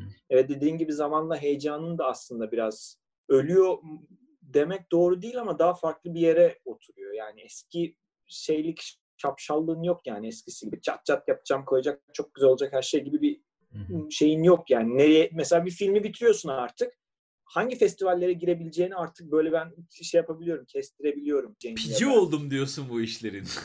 ya işte hayır orada şeyi fark ediyorsun abi pici olamadığını yani hmm. yaptığım bu iş buralara uymayacak diye fark ediyorsun. Bu sefer orayı için mi yapmam lazım? Doğru metot bu mudur falan. Mesela benim en büyük çelişkilerimden birisi geçen geçtiğimiz senelerde oydu yani festivale mi film yapacaksın? Hani o festivalin istediği şeylere uygun bir üslubun mu olacak yoksa kendi istediğin şeyi yapmaya devam mı edeceksin? Buradan iyi bir yere geldin aslında. Festivallerden bahsetmişken e, sen şimdi festivaller konusunda tecrübeli bir kısa filmcisin, bir, bir animasyoncusun. E, festivallere genel bakışın ne şu son yani bütün bu tecrübelerinin e, neticesinde? Şimdi festival çok abartılıyor. festival olayı çok abartılıyor e, abartılması gereken festivaller var ama biz her festivale sanki aynı festivalmiş gibi yaklaşıyoruz. Bir kere ilk sinemacıların farkına varması gereken şey bu. Bazı festivallere kabul almak sizin kariyeriniz açısından hiçbir şey değiştirmeyecek. Gerçekten önemi yok. Çünkü çok kötü festivaller var. Festival yapmak bir, bir kurulun şeyine iznine tabi değil. Ben yarın hemen bir festival başlatabilirim ve gerçekten bu kadar kötü festivaller var. Çoğu festival böyle diyebiliriz. Evet bence dünyada yüzden fazla değildir iyi festivalin sayısı. 7000 tane festival var şu an Film Freeway'de falan aktif düzenlenen. Ama 100 tane ki bence kariyerinde gerçekten kritik değişiklik yapacağım. İlk top 30'dur falan yani. yani Maksimum yani bence de. Toronto'ya girersin, Locarno'ya girersin ki buraya giren insanlarla da konuşuyorum, görüşüyorum. Ee, onlar için de öyle çok büyük değişimler olmayabiliyor. Hani hele animatör perspektifinden çok bilmiyorum ama hani şey olabilir işte bir sonraki uzun metrajın hazırdır hemen yapımcı arıyorsundur ve ansiye girmişsindir falan böyle. Evet senin için işler kolaylaşıyor ama çok festivale girmek kısaca bir şey ifade etmiyor. Çok ödül almış olmak bir şey ifade etmiyor. Düşün yani Sundance'e 15 bin tane film başvuruyor her sene. 15 bin filmin katıldığı bir festivalde o 15 bin filmin de izlenmesi falan mümkün değil yani öyle bir şey. Evet, öyle, o, bir, öyle bir dünya. Ya yok. ben onu söyleyemiyorum açık bir şekilde. Çünkü hep şey oluyor yani sen o festivallerden elenmişsin ve buna bir bahane olarak saklanıyorsun arkasına gibi deniliyor. Söyle söyle Ama- burada söyleyebilirsin. Ben de söylüyorum çünkü. Yok yok bence kesinlikle doğru. Ee, festivalde anlıyorum bir yerde. Şey gibi bakıyor işte ben geçen sene bu yapımcıdan şöyle şöyle filmler almıştım Hı ve güzeldi. Bu yapımcıdan yine güzel filmler gelmişti muhtemelen diye belki izlemeye şansını tanıyor. Belki dediğin gibi izlemiyorlardır yani. Abi ya çok normal yani çok fazla anlam yüklememek lazım. Evet. Evet evet. Zor Yani. abi 15 filmi 15 bin filmi izleyemezsin yani. Her biri Yani ne 10 öyle bir zaman olsa- ne öyle bir ekip. Evet abi ben e, 60-70 film yolladıkları bir bakın da notlayın falan dedikleri festivalleri jürilik yapmış. Online festival yani online olarak yolluyorlar. Şuradan girin bakın falan diye. İki haftada valla zar zor sonunu getiriyorum yani. Nereden fırsat bulacaksın da izleyeceksin. İzlemesen de puanlayabiliyorsun bu arada yani. Hem hem festival o anlamda 15 bin filmin sorumluluğunu almak zorunda değil bir, bir taraftan baktığında. Hem de yani verdiği jüri de almak zorunda değil. Ha ha izledim falan diye Ya yapıştırabiliyorsun. sen izlersin başkası izlemez. Evet, Evet, ayrıca. bilemezsin ki bunu. Evet. Evet. Aynen. Böyle 200 kişilik ön jüri falan kurması lazım. evet. Sonra 100 kişilik ikinci ön jüriyi kurması lazım ki böyle bir Evet. gülme filme düşürsün falan öyle bir şey yok yani. Hmm, O yüzden e, nerede gördünüz 15 bin film, 100 bin film katıldı bu sene falan. Orada bir bir cacıklık olduğunu anlayın. Orada yani filminiz reddedilirse çok üzülmeyin. izlenmemiştir bile. Sen festivale göre üretmek mi yoksa nerede beğenilirse beğenilsin mi? Nedir Hmm. son tahlilde bakışın buna? Abi şöyle bir şey var. Şimdi festivallerde ve ya özellikle işte internette hani bir şeyin yürümesi için şey konusu gerekiyormuş gibi geliyor bana artık. Yani bir minority problem olabilir, bir gender hani cinsiyet problemi olabilir. Bu konular çok fazla konuşuluyor. ihtiyaç duyuluyor ya bu konuların konuşulması gerekiyor. Haliyle insanlar bu işleri gördüğü zaman daha fazla yol veriyorlar. Festivaller de bence benzer yaklaşıyor. Çünkü bu tip işler festivallerin de aslında kendi vizyonlarını yansıtmak için bir fırsat. Biz de böyle düşünüyoruz diyor ve seçkisinde o filme yer veriyor. Hani kendini ifade etmek için kullanıyor bir yerde aslında. Fakat ben orta sınıf bir adamım yani yani beyaz işte şey herhangi bir ırkçılığa falan maruz kalmamış hani böyle Türkiye'de bir memur ailesinin çocuğu olarak yetişmiş her anlamda böyle çok ortalarda yetişmiş bir bireyim. Haliyle bu konular hakkında konuşabilecek kadar yetkin ya da canım acımış hissetmiyorum kendimi. Hani bu konular üzerine bir şey söyleyecek. O yüzden benim seçtiğim konular hep daha genel hani felsefi şeyler oluyor. Hmm. Yani çünkü bunlar herkesin düşünebileceği ve herkesi kapsayan problemler oluyor. Yani insan Daha daha, daha iyi yaşar. Aynen. O yüzden işte bu festivale göre film yapma mevzusu aslında orada e, devreye giriyor. Yani festivallerin sevdiği şeyler var bu anlamda ama ben onları sevmiyorum galiba. Ya da onlara üzerine konuşacak kadar yetkin hissetmiyorum. O yüzden ben artık şeyi bıraktım yani festivale göre e, şey yapmak e, mevzusu benden çıktı. Çünkü gerçekten bambaşka bir yola girmem gerekiyor. O o anlamda o kitle tarafından kabul görmek istiyorsam sevmediğim şeyleri yapacağımdan eminim artık. Bunu farkına varabilmek için festivaller adına genel bir kültüre sahip olmak gerekiyor. Bu festival budur, bu işe yarar falan diye. Evet ya şöyle de bir Evet. sorun var. Festival rutinleri, festival raconları nedir? Bir festivali nasıl değerlendirmekle ilgili çok az kaynak var etrafımızda. Ben bir, bir tane workshop'un İzmir Film Festivali'nde Kısa İyidir'in yaratıcısı Heval o zaman bir workshop veriyordu. Bir tek onda görmüştüm hani filminin festival sürecini nasıl yönetmelisin isimli bir workshop. Onun dışında hiçbir yerde bir kaynak yok aslında. Yani sen bir kısa filmci olarak e, festival kısa filmin ekmeği suyudur e, falan diyebiliyor musun? Yani neden kısa film yapsın insanlar ya da yaptığı kısa filmi nasıl e, değerlendirebilir? Festival midir bunun tek yolu? Başka yöntemleri var mı sence mesela? E, bence kısa film için festivaller evet olmazsa olmaz. Çünkü bunu belli platformlara satamıyorsun çok fazla. Evet mesela bir YouTube kanalıyla anlaşıp mesela Dust var bilim kurgu için altın vuruşu ben oraya vermiştim. Onlar sana belli bir telif ödüyor. Hı. Ve sen onu orada yayınlayabiliyorsun ve aslında çok da fazla izleyiciye ulaşıyorsun. Yani festival izleyiciye ulaşma anlamında çok iyi bir yer değil. Hı hı. Ben yani kabaca hesap yapıyorum. Altın Vuruş'un girdiği festivallerle benim eriştiğim seyirci maksimum 200 bindir. Maksimum en iyi ihtimalle yani. İnternette bir haftada bile alabileceği bazı platformlarda bir, bir günde alabileceğim. Şu anda 3,5 e, milyon izlenme falan yani. Hmm. Ve bence festivalden daha iyi izliyorlar. Çünkü senin filmin hmm. özelinde açıyor adam o linki. Ben evet, senin filmini açıyor değil mi? Evet, evet Altın Vuruş'u izleyeceğim diye açıyor ve kendi ortamında açıyor. Kendi kulaklığı, kendi monitörü en iyi ortam oluşturmuş kendisi için. Festivalin o rahatsız atmosferi yok. Çünkü çoğu festival çok kötü düzenli. Ben mesela şeyde e, İspanya'da Zaragoza'da bir tane yere gitmiştim böyle e, çevrecilik film festivali. Altın Vuruş'ta bir yerden giriyor oraya. Nasıl soktum ben de tam bilmiyorum ama girdim işte bir şey. Saymışlar böyle, çevreci diye. Aynen, aynen. Olur, olur. Ampul olur, yakmamalıyız falan. Aynen. Robot parçalarını recycle etmek falan. Beni gösterim gününde işte şuraya geldiler. Bir map'te yer işaretlemişler. Gittim bir teknoloji mağazası abi. Tamam mı? Sinema salonu falan yok yani. Dedim böyle böyle bir gösterim var falan. Ha evet dedi aşağı kat dedi. Ve teknoloji mağazasının aşağı katına iniyorsun böyle. böyle Bodrum gibi abi. Kenarda böyle stok ürünler var. Kutular duruyor. Fareler geçiyor boruların üzerinden. Çivirik çivirik diye. Yani vardır büyük ihtimalle de karanlıktan görememişimdir. Ortalıkta sandalyeler bir tane perde yapmışlar ve gösterime sadece 3 kişi geldi. Birisi ben, birisi benim konuk koordinatörüm, bir tane seyircimiz vardı. Yani. O Ve da bekçi değil mi? bir şeyleri çalmayın diye orada duruyor. ya o da şey vardır ya şehirdeki bütün festivalleri hep takip eden yaşlı bir teyze vardır. Hep gider o böyle. Bütün her yerde görürsün. İşi gücü olmayan. aynen aynen. O teyze vardı abi orada ve benim tek gösterimim vardı. Ha bu muydu lan? Yani bir de, ben şeyi sormam. Q&A yapacak mıyız acaba falan diye Yapacağız. Teyze bir sorun var mı? Teyze biz dışarıda konuşalım diye. Ne? Kaybolmuş da oraya gelmiş. Ben şeyi Aynen. soracaktım. Beni buraya oturttu. yani işte öyle gösterimler vardı abi. O yüzden internet filmini sunma açısından çok daha iyi bir yer. Şöyle bir şey var. İnternette kaybolursun filmi eğer festivallere sunmadan koyarsan festivaller senin hemen daha hali hazırda öne çıkmanı sağlıyor. Diyorsun ki ben şunların şunların şunların seçkisine girdim. Hı hı. Hatta ödüller aldım. İnsanlar başta o laureli görünce ha okey bu festivallerde evet. gezmiş belli seçkilere girmiş diyor. Öte yandan onun da boku çıktı artık. Evet. Bir filmi açıyorsun 300 tane fark var hangisine girdi falan değil. Benim gözüm direkt işte SXSF'i arıyor, kanı arıyor falan böyle. Bunları bende de, bende de şey olmaya başladı o yapraklar aşırı fazlaysa bir, bir, bir numara evet, var. Bir, bir şey bir şüpheleniyorum hemen. Aynen. Bence kötü bir şey. Bence e, öyle bir film ya. Sen kana girdiysen gidip İtalya'nın bir köyündeki bir festival. Evet. Yani onunla kanı aynı yere koyma. Sonra zaten kim bilen adam onun başka nereye seçildiğini sormayacaktır yani. Zaten kan seçkisini merak ediyor. Ama işte kan, Kanada o kadar az iş seçiliyor ki aslında yani üretim sayısına baktığında dünyadaki ya da Türkiye'deki bile. Evet, hiç şansımız yok diyorsun yani. Şansımız Zaten yok tabii çok... abi. Kaç tane Türkiye'de kana girmiş iş gösteri ya da işte. Evet çok zor haklısın.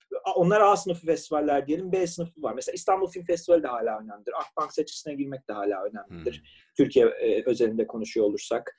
Yurt dışında da var ama işte o da yine e, seyirci ya da işte filmciler tarafından bir genel kültür gerekiyor. Ya, evet bu festival iyi bir festivaldi demeleri gerekiyor. Biraz araştırmış olması gerekiyor. Çünkü birazcık bilenler ancak o ikinci sınıf festivalleri bilebiliyor. Ondan sonrasında artık pek kalmıyor. A sınıfı festivaller, B sınıfı festivaller okey. Ama yani o kadar çok festival var ki yani çok berbat festivallerin bile 10 dolar, 20 dolar falan istediğini görünce e, bir, bir kıllanıyorum yani anladın mı? Lan web sitesi yapmak, eli yüzü düzgün bir basın bülteni hazırlamak, e, birkaç tane fancy fotoğraf koymanın nesi zor ki 96 yılından kalma web siteleri gibi Wix'te hazırlanmış web siteleri bazı festivallerin web sitesi yok Facebook sayfasını veriyor falan.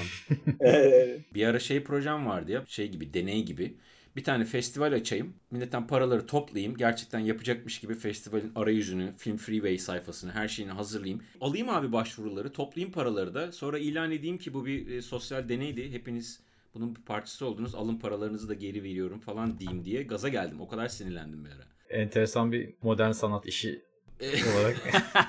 Tutuklanıyorum değil mi? Bir dakika ben sosyal bırakın beni. Gir arabaya gir. Konuşma çok. Sosyal falan konuşma. Lan bu sene yapacak daha ilk versiyonunu. İşte kısa filme 20 dolar, 26 dolar falan para istiyoruz. Ya sen kimsin de para istiyorsun moruk? Kim olduğunu bilmiyorum daha. Neyine para yollayacağım senin yani? Türkiye'de yeni başladı bu para isteme mevzusu bu arada. Şu an benim bildiğim 3-4 etkinlik var. Çoğu istemiyordu. Ya İstanbul Film Awards diye bir tane etkinlik gördüm ben. Gerçekten dediğin gibi güzel logo yapmış falan ama logosu da başka festivalden çakma. Adrese bakıyorsun Esenyurt'ta bir adres. Tamam mı? Yani böyle bir apartman adresi. Yani ofis falan da değil. Abi insanlar... Otosanayide böyle klik ustus. Buyurun neye baktınız? Abi film festivali varmış burada. Var var gel. Bak ona, ona Yaparız. benzer bir şey Yap. Ona benzer bir şey yaşadım ben anlatacağım sana abi. İstanbul Film Awards'ın işte adresi o abi. Facebook'ta bu film mevzusunu ekleştiğimiz bir kişi buraya filmini göndermiş. Ödül bile almış. Bizi ödüle da ödül törenine davet ettiler diyor. Bir fotoğraf koymuş abi. inanılmaz. Bir evde salonda oturuyorlar. Filmin oyuncusuyla el sıkışıyor. Ev ama gerçekten çok Türk ev yani. Hani hiç, Ev. Yani ev yani Salon. şey yok. Bir ev salonundan bahsediyoruz. Oturma Aynen. odası. Aynen. Ortada bir de plaket yok. Plaketi yaptırmak için bir daha para ödemen gerekiyormuş. Yani plaketin yaptırılma Hmm. parası falan var. Sütlaç Böyle. vermişler eline. Sütlacı oyuncuna verirken falan. Aynen, Onu aynen. yandan söyle, pastaneden söyledik. Aynen. Ya ama şimdi orada ne oldu? Yani bu çocuk buradan ödül aldı. Sosyal medyada bir şey döndürüyor, bir trafik döndürüyor. Ben Hı. filmimi festivale gönderdim, kabul ettirdim. İşte şey e, ödül aldı. Tamam bunun film camiasında hiçbir karşılığı yok ama kendi sosyal çevresinde bir karşılığı var. İşte bizim Evet. şu film yapıyordu, festivallerden ödül aldı diyorlar. Evet. Yani aslında o anlamda baktığında evet, Evet. kazançlı bir şey. Yani kendi çevrende Exposure, exposure yani böyle görünürlük falan diye düşündüğünde evet ama ne kadar görünürlük yani Ya takipçi satın almak gibi bir şey abi işte yani. Çok Evet. böyle pratik karşılığı yok yani. Senin kariyerin açısından hiçbir faydası yok. Hani eğer Evet. parayı akrabalarından topluyorsan filminin finansmanı için evet olabilir. Ama hmm, ciddi bir bütçe arayışındaysan bir prodüktör zaten biliyordur o festivalin bir işe yaramayacağını Hı. yani. O yüzden çöp. Mesela Antakya Film Festivali de şimdi para istemeye başladı. Ve ben Antakya Film Festivali'ne gidip dosyamı kendim vermek istedim. Ve neyle karşıladım dedim ya sanayide falan diye. Karaköy'de bir adres abi. Bir fotoğraf stüdyosunun adresi böyle. Girdim bu matbaacılar sitesi gibi bir yer var Karaköy'ün bu banka o eski bankaların olduğu yerin Hmm. arkalarında abi. Girdim böyle bu Kemal Sunal'ın bir filmi var böyle bir çay ocağı böyle bir pasaj gibi bir şeyin içinde bir çay ocağında çalışan bir çaycı. Anlatıyor. Aynen öyle bir yer böyle eski bir Türk filminden kalma gibi. Böyle her şey doğru adrese bakıyorum 10 numara 10 abi diyorum 10 numara nerede falan filan oradaki esnafa film soruyorum. festivaline iki orelet, üç gazoz.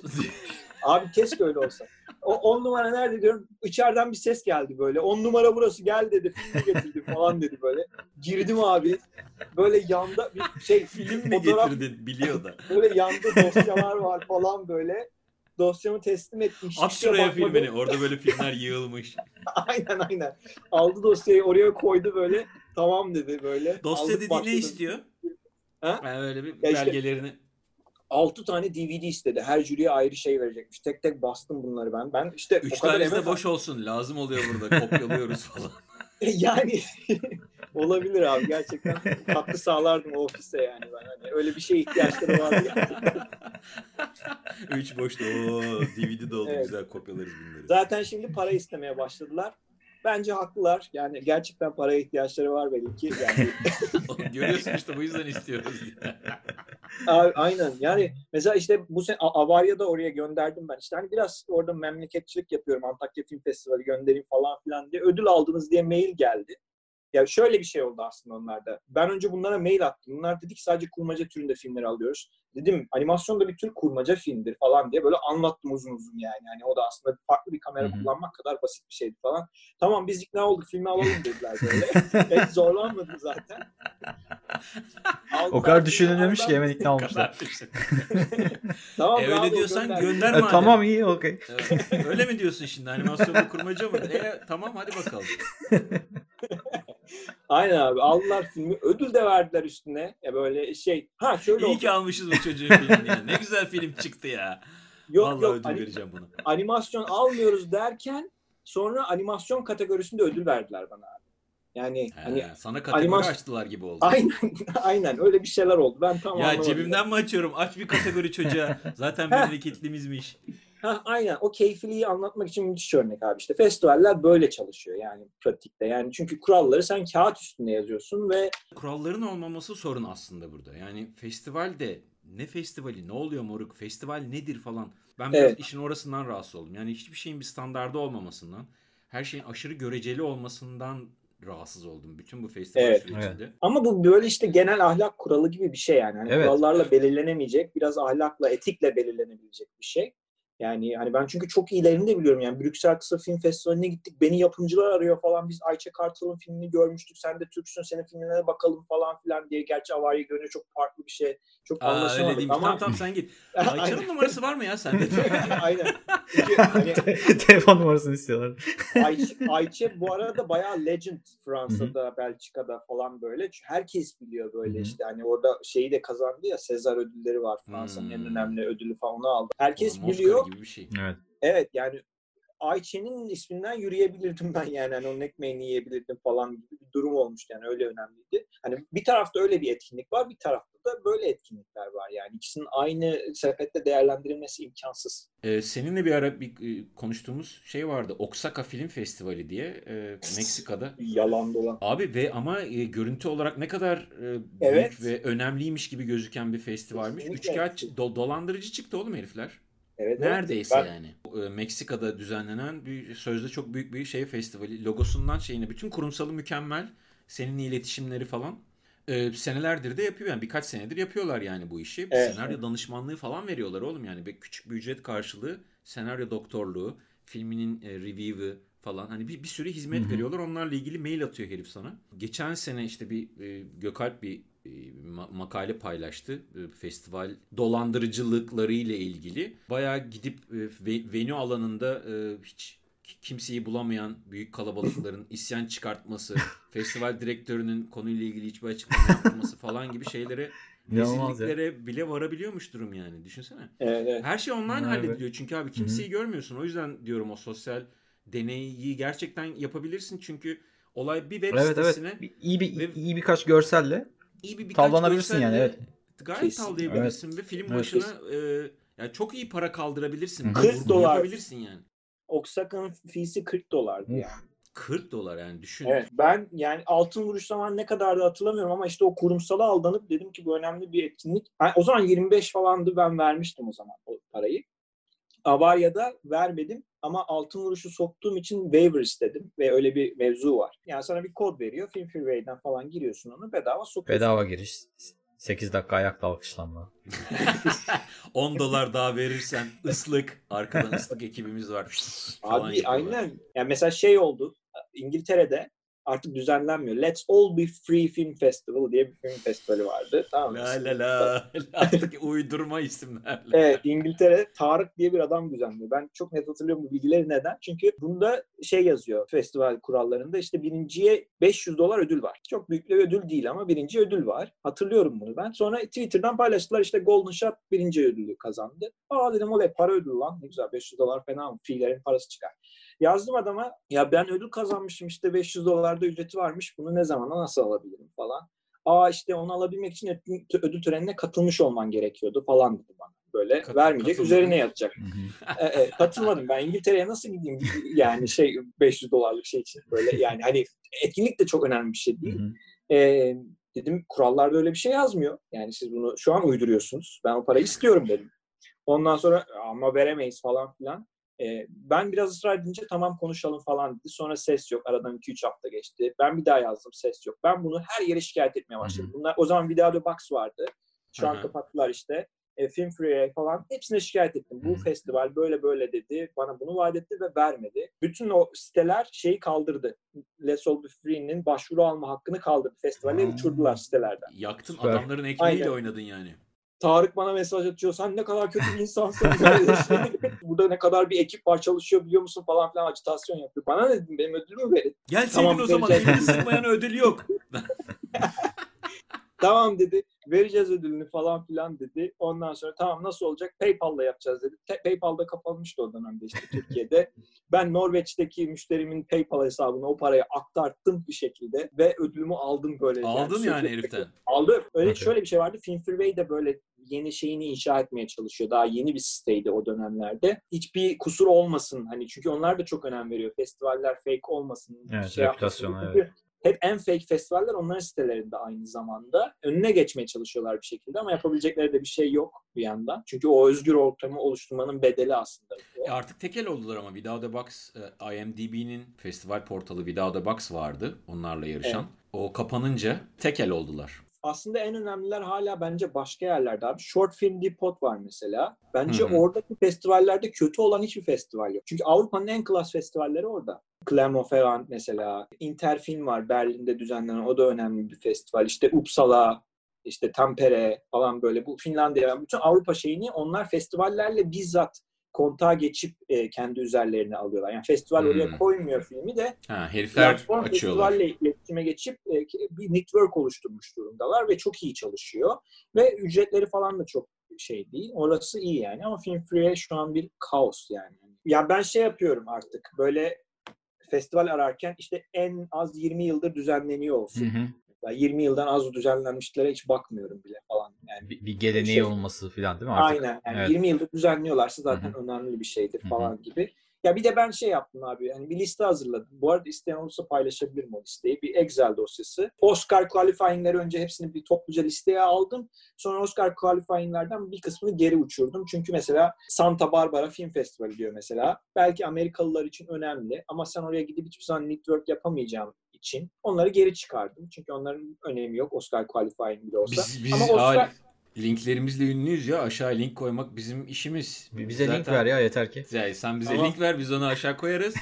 dizdim abi işte Oscar qualifying'leri ekledim. Bence o iyi bir kıstas. Sonra şeyleri de ekledim. Yani gerçekten fotoğraflarında insanların ağzından şahit olduğum iyi düzenlendiğini bildiğim festivalleri de ekledim. Oscar Ha, güzel qualifying festival olmaz. listesi var aslında elinde. Ya bu alelade bir şey değil ciddi Bayağı- yılların tecrübesiyle oluşan bir liste aslında anladım. Evet kadarıyla. ve yani bayağı iki gün falan uğraşmıştım. Yani bildiğim şeyleri toparladım. Hepsinin web sitesine ekledim. Ortalama deadline'ları ne zaman onları ekledim falan. Yani çok iyi bir kaynakmış ya. Paylaşırsan Evet. süper olur yani heveslisi varsa. Çünkü kendi başına bu işe kalkıştığında kaybolabileceğin, kafa bulandıran, e, bir, çok, çok çokça saçmalayabileceğin bir ortam Evet. var. Ee, ben, ben Altın Vuruş'ta şey. saçmaladım abi. 600 tane festivale başvurdum ben Altın Vuruş'ta. Yani 600. 600 tane baş Ben 300, ben evcilikle 300'e başvurmuştum.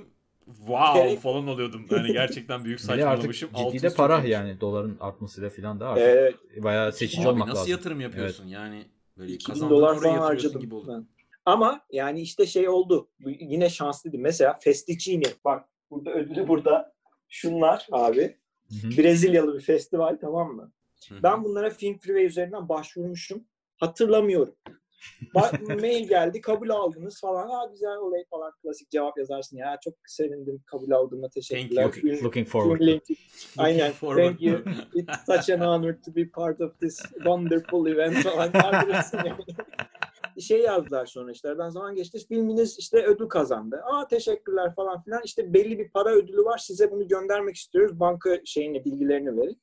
O zaman da şiv, şi- ben zannediyorum 300 bir şey, 300 200 bir şey gelecek. O da tamamen Swift ücretine gidecek. Yanacak o para. Ee, dedim sizde kalsın yani. Çünkü hani baktığı zaman kurumsalına gerçekten o kötü festivaller gibi. Her şey çok kötü. Ödülünü falan da gördü zaten. Yani Ya hani- sen üstü kalsın çektin bunları yani. evet yani ben çünkü hiçbir şey beklemiyorum. Gerçekten bir Aa bir yok. buçuk milyon dolar yatıracaktık halbuki. Yani neyse o zaman tamam sizi madem öyle diyorsun. Israr ettiler. Tamam dedim alın. Abi bir geldi 3000 euro. Yani hiç böyle katıldığından bile emin olmadığım bir festivalden havadan 3000 euro para geldi ve bütün o festivallerin masrafı çıktı bir anda yani. Aslında iyi bir yere getirdin. Şey diyoruz ödülleri belli prestijli festivaller hariç çok önemsemiyoruz diyoruz ama ödüllerden gelen paralarla işte bir sonraki projeyi finanse etmek ya da Aynen. başvuruları finanse etmek de mümkün oluyor. Aynen.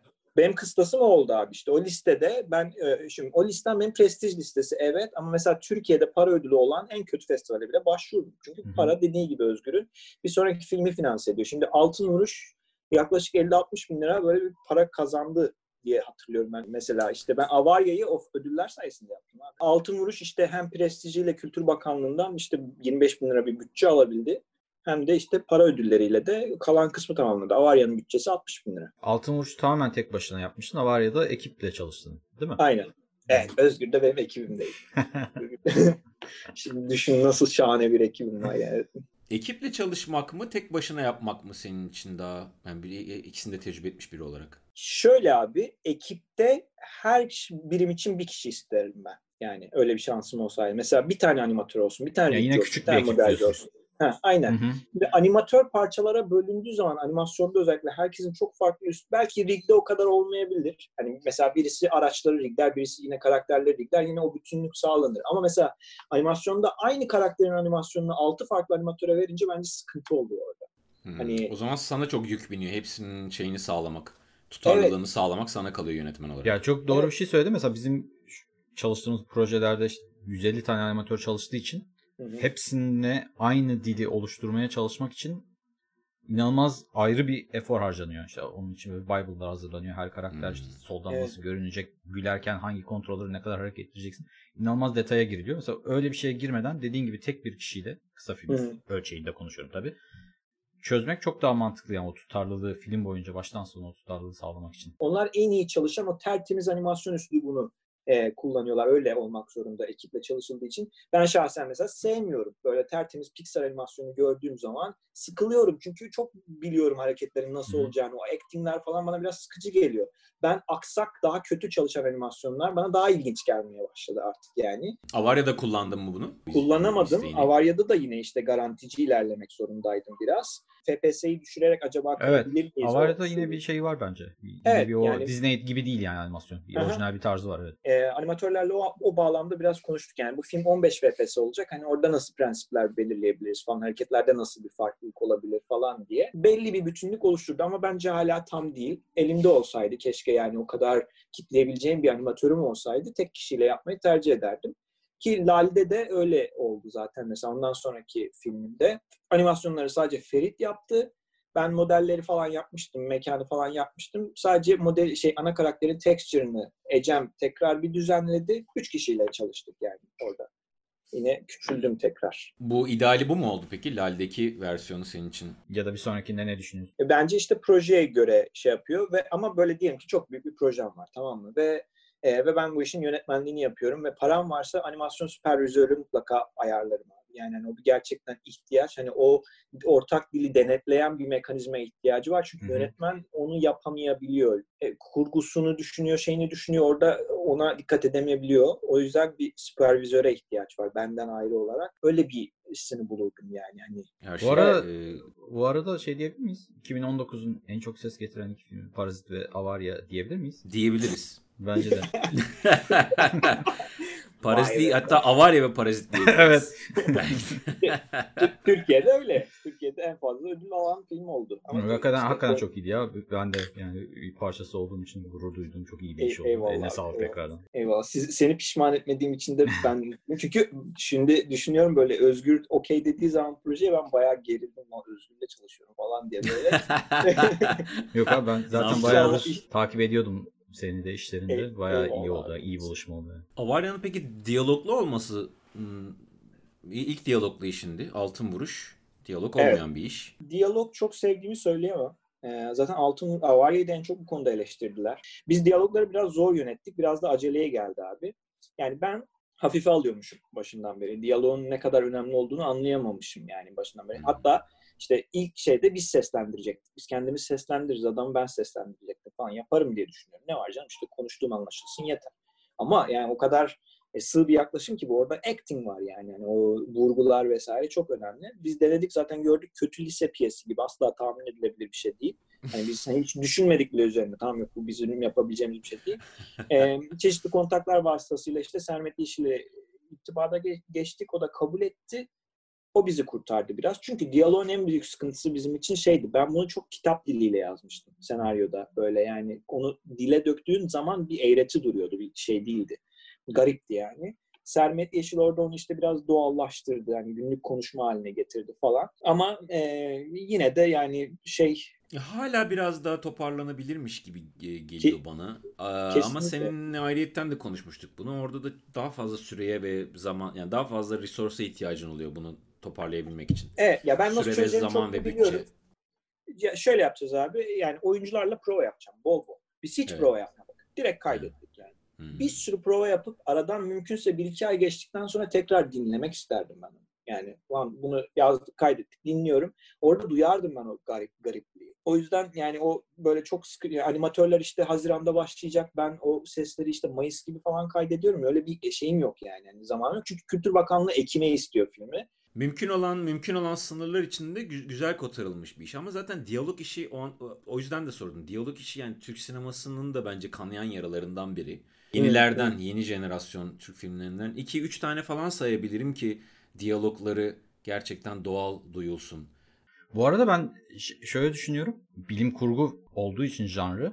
Ya hep şey olur ya böyle kısa filmlerde filan. Bilmem ne kapasitörü çalışmıyor işte hidrojenleri hızlandırması falan. Oralara evet. girmeden çok sade bir dille bence iyi çözülmüş Avarya'nın diyalogları o açıdan.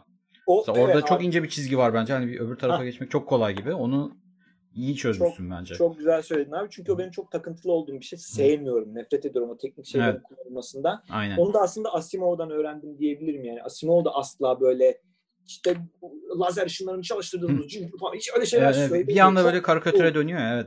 Ha, aynen. Yani ondan sıyırmak gerekiyordu. Ee, o, o yüzden hani biraz referans. O da Cem Yılmaz yüzünden.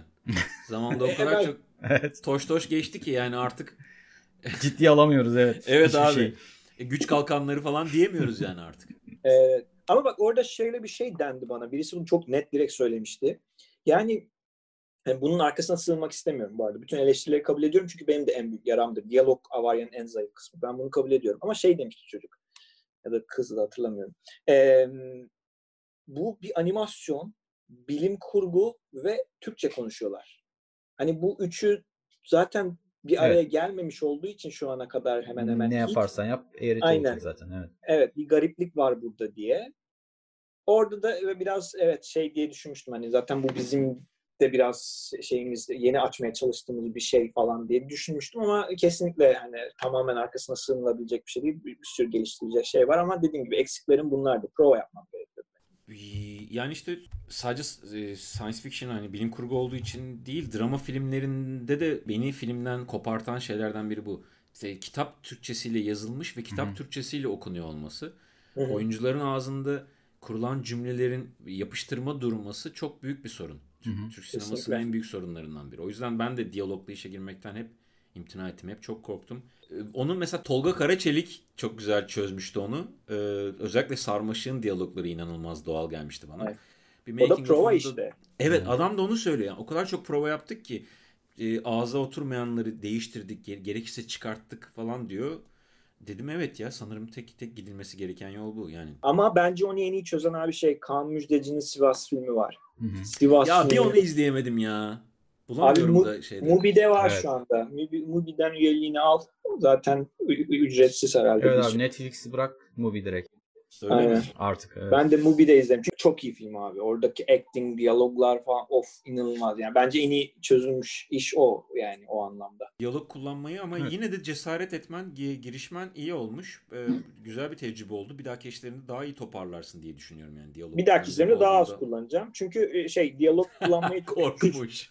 yo yo yo şeyi azaltıyor abi o. Yani ben onun altın vuruşta ne kadar keyif aldığımı hatırlıyorum. Yani diyalog olmayınca görsel dille anlatmaya çalışmak aslında da çok güzel bir challenge. Evet. Ee, hani onu etkileyip ve seyirciyle çok daha iyi diyalog kuruyorsun. Daha pure, daha, daha saf bir şey oluyor. Yani. Hmm. Aynen aynen daha fazla evet. şey paylaşıyorsun yani hani e, sinemayı be, kısaca daha fazla kullanıyorsun yani. A- Avarya ama işte öyle bir hikaye değildi. Avarya çok fazla o robot felsefesi üzerine işte yaşam, ölüm falan filan ve belki uzun metraj olsa bir çözümü bulunabilirdi ama bilmiyorum yani o diyalog olmak zorundaydı. İleriye dönük ana akım sinema ile ilgili bir takım kaygıların var. Bunlara yönelik de bir şey yapmak istiyorsun yani. En azından ya evet. istek, istek olarak var içinde yani bu. Evet yani sadece festival filmi yapmak istemiyorum. Yani. Çocuklarla da iletişim kurabilmek istiyorum. Hani böyle. O çocukla ailesi girmek zorunda kalmış o salona diyelim böyle. Ailesi sıkılmasın. O leş e, mıy animasyonu izlemek zorunda kalmasın. Çünkü ayrıca o anne de baba da orada ilginç bir şeyler bulsun devam İçine girsin olayın. Evet. Evet. E, Miyazaki iyi bir referans orada. Yani bir Miyazaki filmi gibi bir film olsa bence bütün salondaki herkes için ilginç bir deneyim Hı olur. hı. Ama öyle filmler yok işte bence yani bizim çocuklarımızdan esirgediğimiz en büyük şey o. Yani çocuklarımıza biraz hakaret ediyormuşuz gibi geliyor yani onlara sunduğumuz filmler. Ama Miyazaki olmak istiyorsan da çocuğundan esirgemen gereken çok şey olduğunu geçen programda konuşmuştuk. Oraya girmeyelim istiyorsan bir daha. Yok, Miyazaki Ya- film yapsın ama babam olmasın. Babam olmasın lütfen ya. Miyazaki sövdürmeyin bana tekrar bu programda. Ustama. E, abs- absürt şeyler deneyebilirim. Formüllerden kaçabilirim. Garip riskler alabilirim. Yani hani nasıl çalışacağım, nasıl sonuçlarını bilmiyorum. Belki çok Hı. ağır sıçacağım ama e, kaygılarım daha az. Hani ekiplerin en başında konuştuğum ekiplerim de küçük olacağı için bu riskleri alabilirim yani. yani ben Hı. şey bir bütün bütçelerini o filme yatırmış bir prodüksiyon firması değilim. Sıçarsam yeni filmi yaparım. Uzun yapamıyorsam kısa yapmaya devam ederim. Kısayı da yapamıyorsam animasyon yaparım yani. Ya biraz şey büyüsüne kapılmaya başladım abi ya. Acaba yani gerçekten küçük ekiplerle de yapılabilir bir şey mi bu artık? Yani çünkü Uzun tool'lar o kadar evet yani tool'lar o kadar efficient çalışıyor ki ve ben yani benim aslında en büyük avantajım ben hikayeyi ona göre yazıyorum. Şimdi mesela Pixar'da hikaye yazılırken bunlar önemsenmiyor. Onlar çatır çatır koyuyor. Çünkü her şeyi yapabileceklerini Evet. biliyorlar yani kapasiteleri var. Ben kaçarak yazıyorum. Aslında altın vuruştaki şey. Hani Evet, onu sen öyle çok daha efficient olmak zorundasın. Evet yani hikayeyi zayıflatan bir şey değil. Aksine bazen daha da iyi hale getiriyor. Benim bunu bir aylık bir sürede çözmem lazım ve kapasitem bu. Ne yapabilirim? E, çünkü çözümler sonsuz. Birini seçmem lazım. Yani Pixar gibi bir özgürlüğüm yok. Belki yapılabilir gibi geliyor. O yüzden belki o yola girebilirim. Yani hani Abi bu yani çok güzel bir şeye denk geldin. Ben hep o örneği veriyorum zaten. Mesela Avarya yani bana şeyi düşündürtüyor. O ölümsüzlükle lanetlenmiş olma hissini bana sordurtuyor ve o 18 dakika boyunca onu bana Aynen. düşündürtüyor ve şeyden bağımsız yani bu filmi 600 kişi de yapsa olabilir. İşte 6 kişi de yapsa olabilir. Yani şey- çok büyük şeylere ihtiyaç çok bir fikri karşıya geçirmek için. Heh, Bu, bunu aynen. keşfetmek lazım. aynen abi aynen aynen. Yani uzun metraj yaparken ben evet hiçbir zaman Pixar kapasitesinde bir film yapamam. Öyle bir şey yönetebilecek Ama öyle bir şey yok. koşmuyorsun zaten. Öyle bir Ha, şey yapmaya aynen. çalışmıyorsun zaten. Hayalimdeki şey de onunla örtüşmüyor zaten. çok imkansız bir formattan bahsetmiyorsun ya aslında sadece bugüne kadar aranmış değil. Kimse kafa yormadığı için daha doğrusu bu işlere e, henüz örneğini doğru düzgün bir örneğini görmüş değiliz. Yani e, kaliteli animasyon anlamında en e, şu ana kadar çıkmış en iyi örnek Kötü Kedi Şerafettin desen ama o da bir o da O Pixar'a da büyük. e, öykünmüştü. E, DreamWorks'a öykünmüştü yani tarz ve Evet. stil olarak. Evet Batı standartına göre belirlemişti şeyini. Evet. Barını evet. Evet, o, o, o barı o barı başka yere çeken yani ya çok leşe çekiliyor. Abi zaten di- dizimiz tutuyor. Dizinin Hı hı. uzununu yaparız oluyor. İçerik olarak, derinlik olarak da, teknik olarak da aynı leşlikte sinemaya çıkartabiliyorlar artık. Tutuyor. Yani Nasıl izleyeceksin? Nasılsa izleniyor. Bayağı. Zaten bir kitlesi var. İnsanlar para kazanıyor. Para kazandıkları için de e, daha da üzerine yatırım yapma ihtiyacı hissetmiyor kimse. Ama İşte bence çocuklara ayıp ediyoruz o yüzden. Bence de evet. Bir, Yani onlara onu iteleyerek- hakaret bu evet. Ya ben de o şeydeyim. Böyle bir gün Türkiye'de animasyon diye bir bir bölüm de yapmamız gerektiğini biliyorum. Bir süredir düşünüyorum ben de. Hani madem animasyon konuşuyoruz burada. Türkiye'de de ne halde olduğunu bir konuşalım diyorum ama o kadar çok yere sokmak zorunda kalacağız ki hani ne kadar ayıp ederiz. Evet kaçamayacağımız hani tanıdıklarımızı üzmeden bu işin içinden çıkamayacağımızı bildiğim için de bir taraftan da geresim yok ama Maske taraf- takıp falan yapabiliriz belki. Sesimizi Başka kanal. değiştirip Başka kanaldan başka yapıyorlar. kanaldan. Yani o kadar çok söylenecek şey var ki ülkede dönen animasyon e, anlayışıyla ilgili. He- henüz söyleyemedik ama dediğin şeyi anlıyorum. O henüz araştırılmış değil. Henüz kafa yoran olmadığı için bilinmedi. Bence birileri o oraları e, e, araştırmalı. Oraları keşfetmeli birileri ki görmeliyiz yani ne çalışıyor ne çalışmıyor.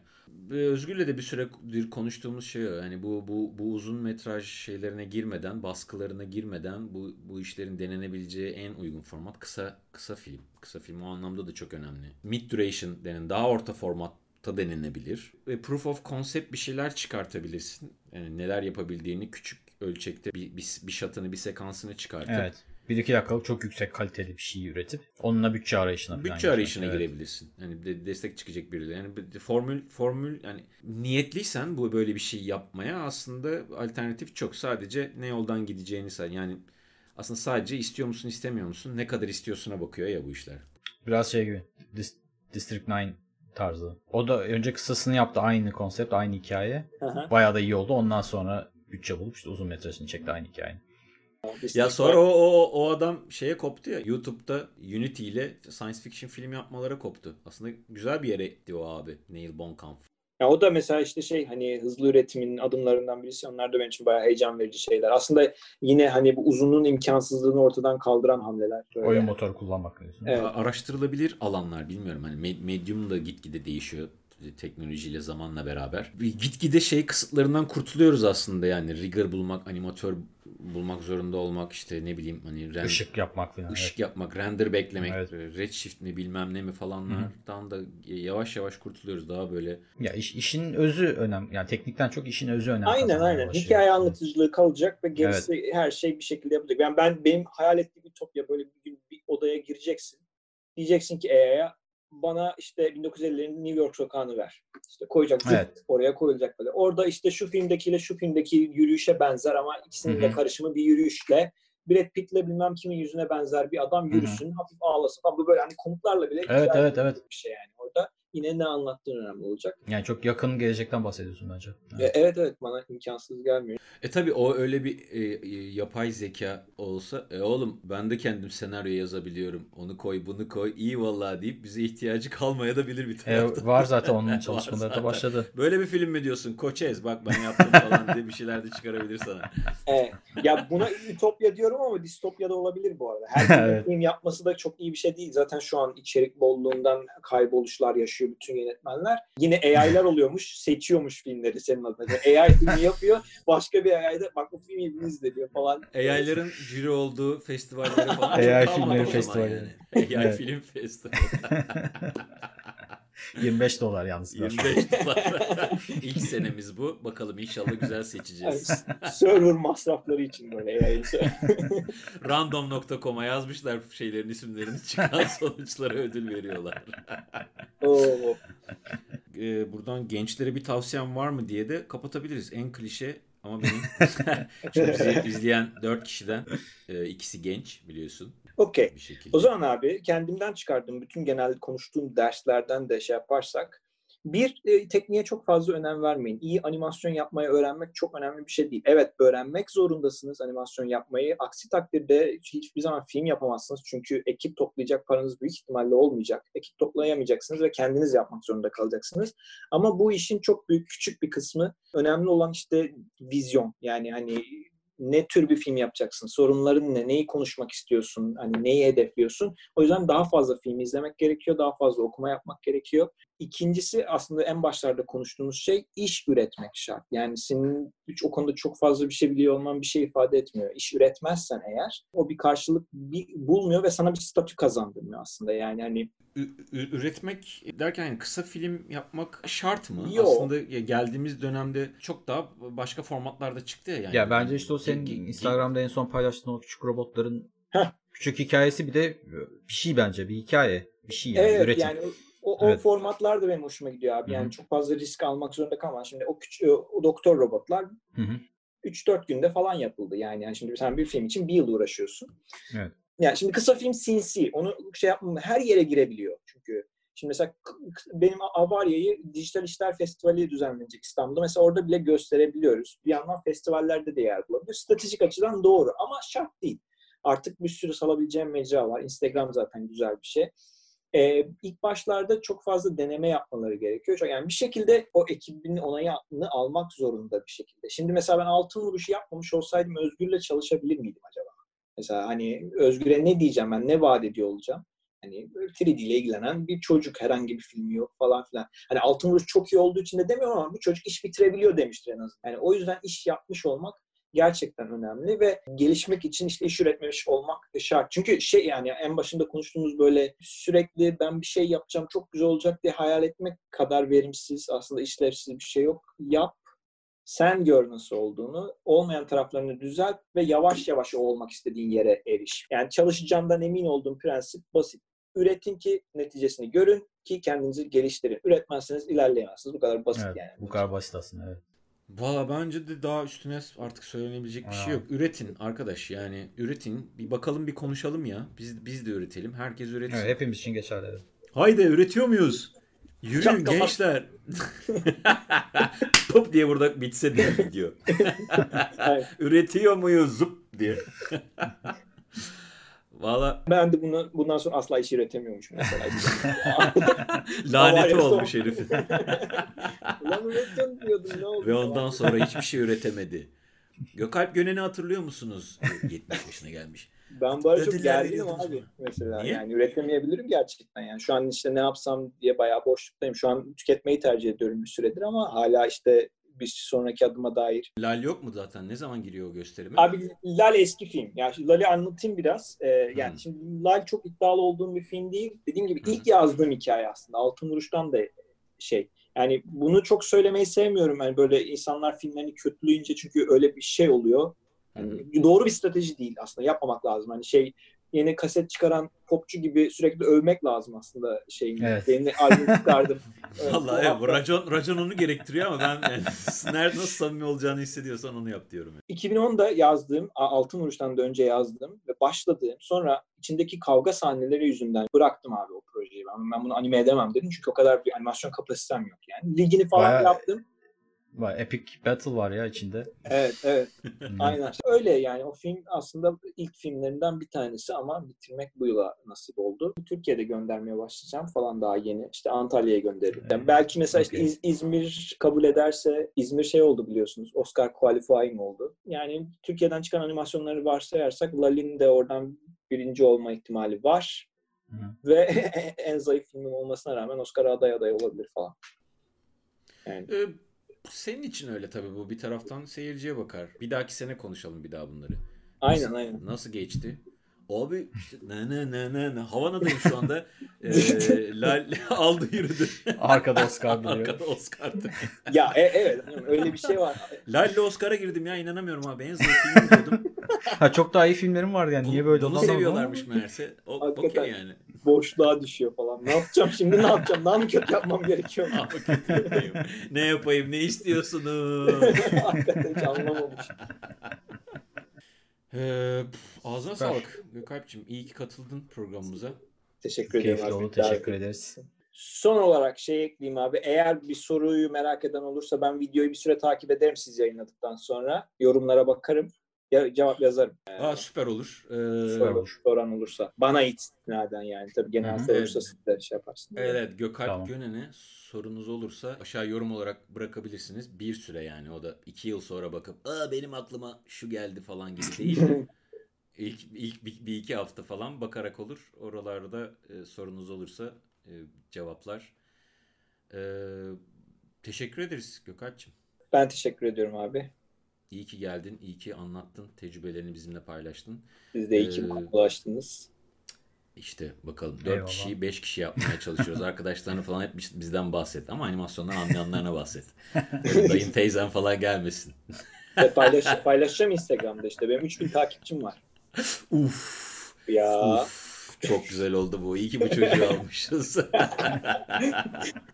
iyi öpüyorum çok. Kendine iyi bakasın Gökhan'cığım. Kendine iyi bak abi. Ben Ee, bu bu programın da sonuna geldik. Ee, siz de kendinize iyi bakın. Ee, gelecek programlarda görüşmek üzere.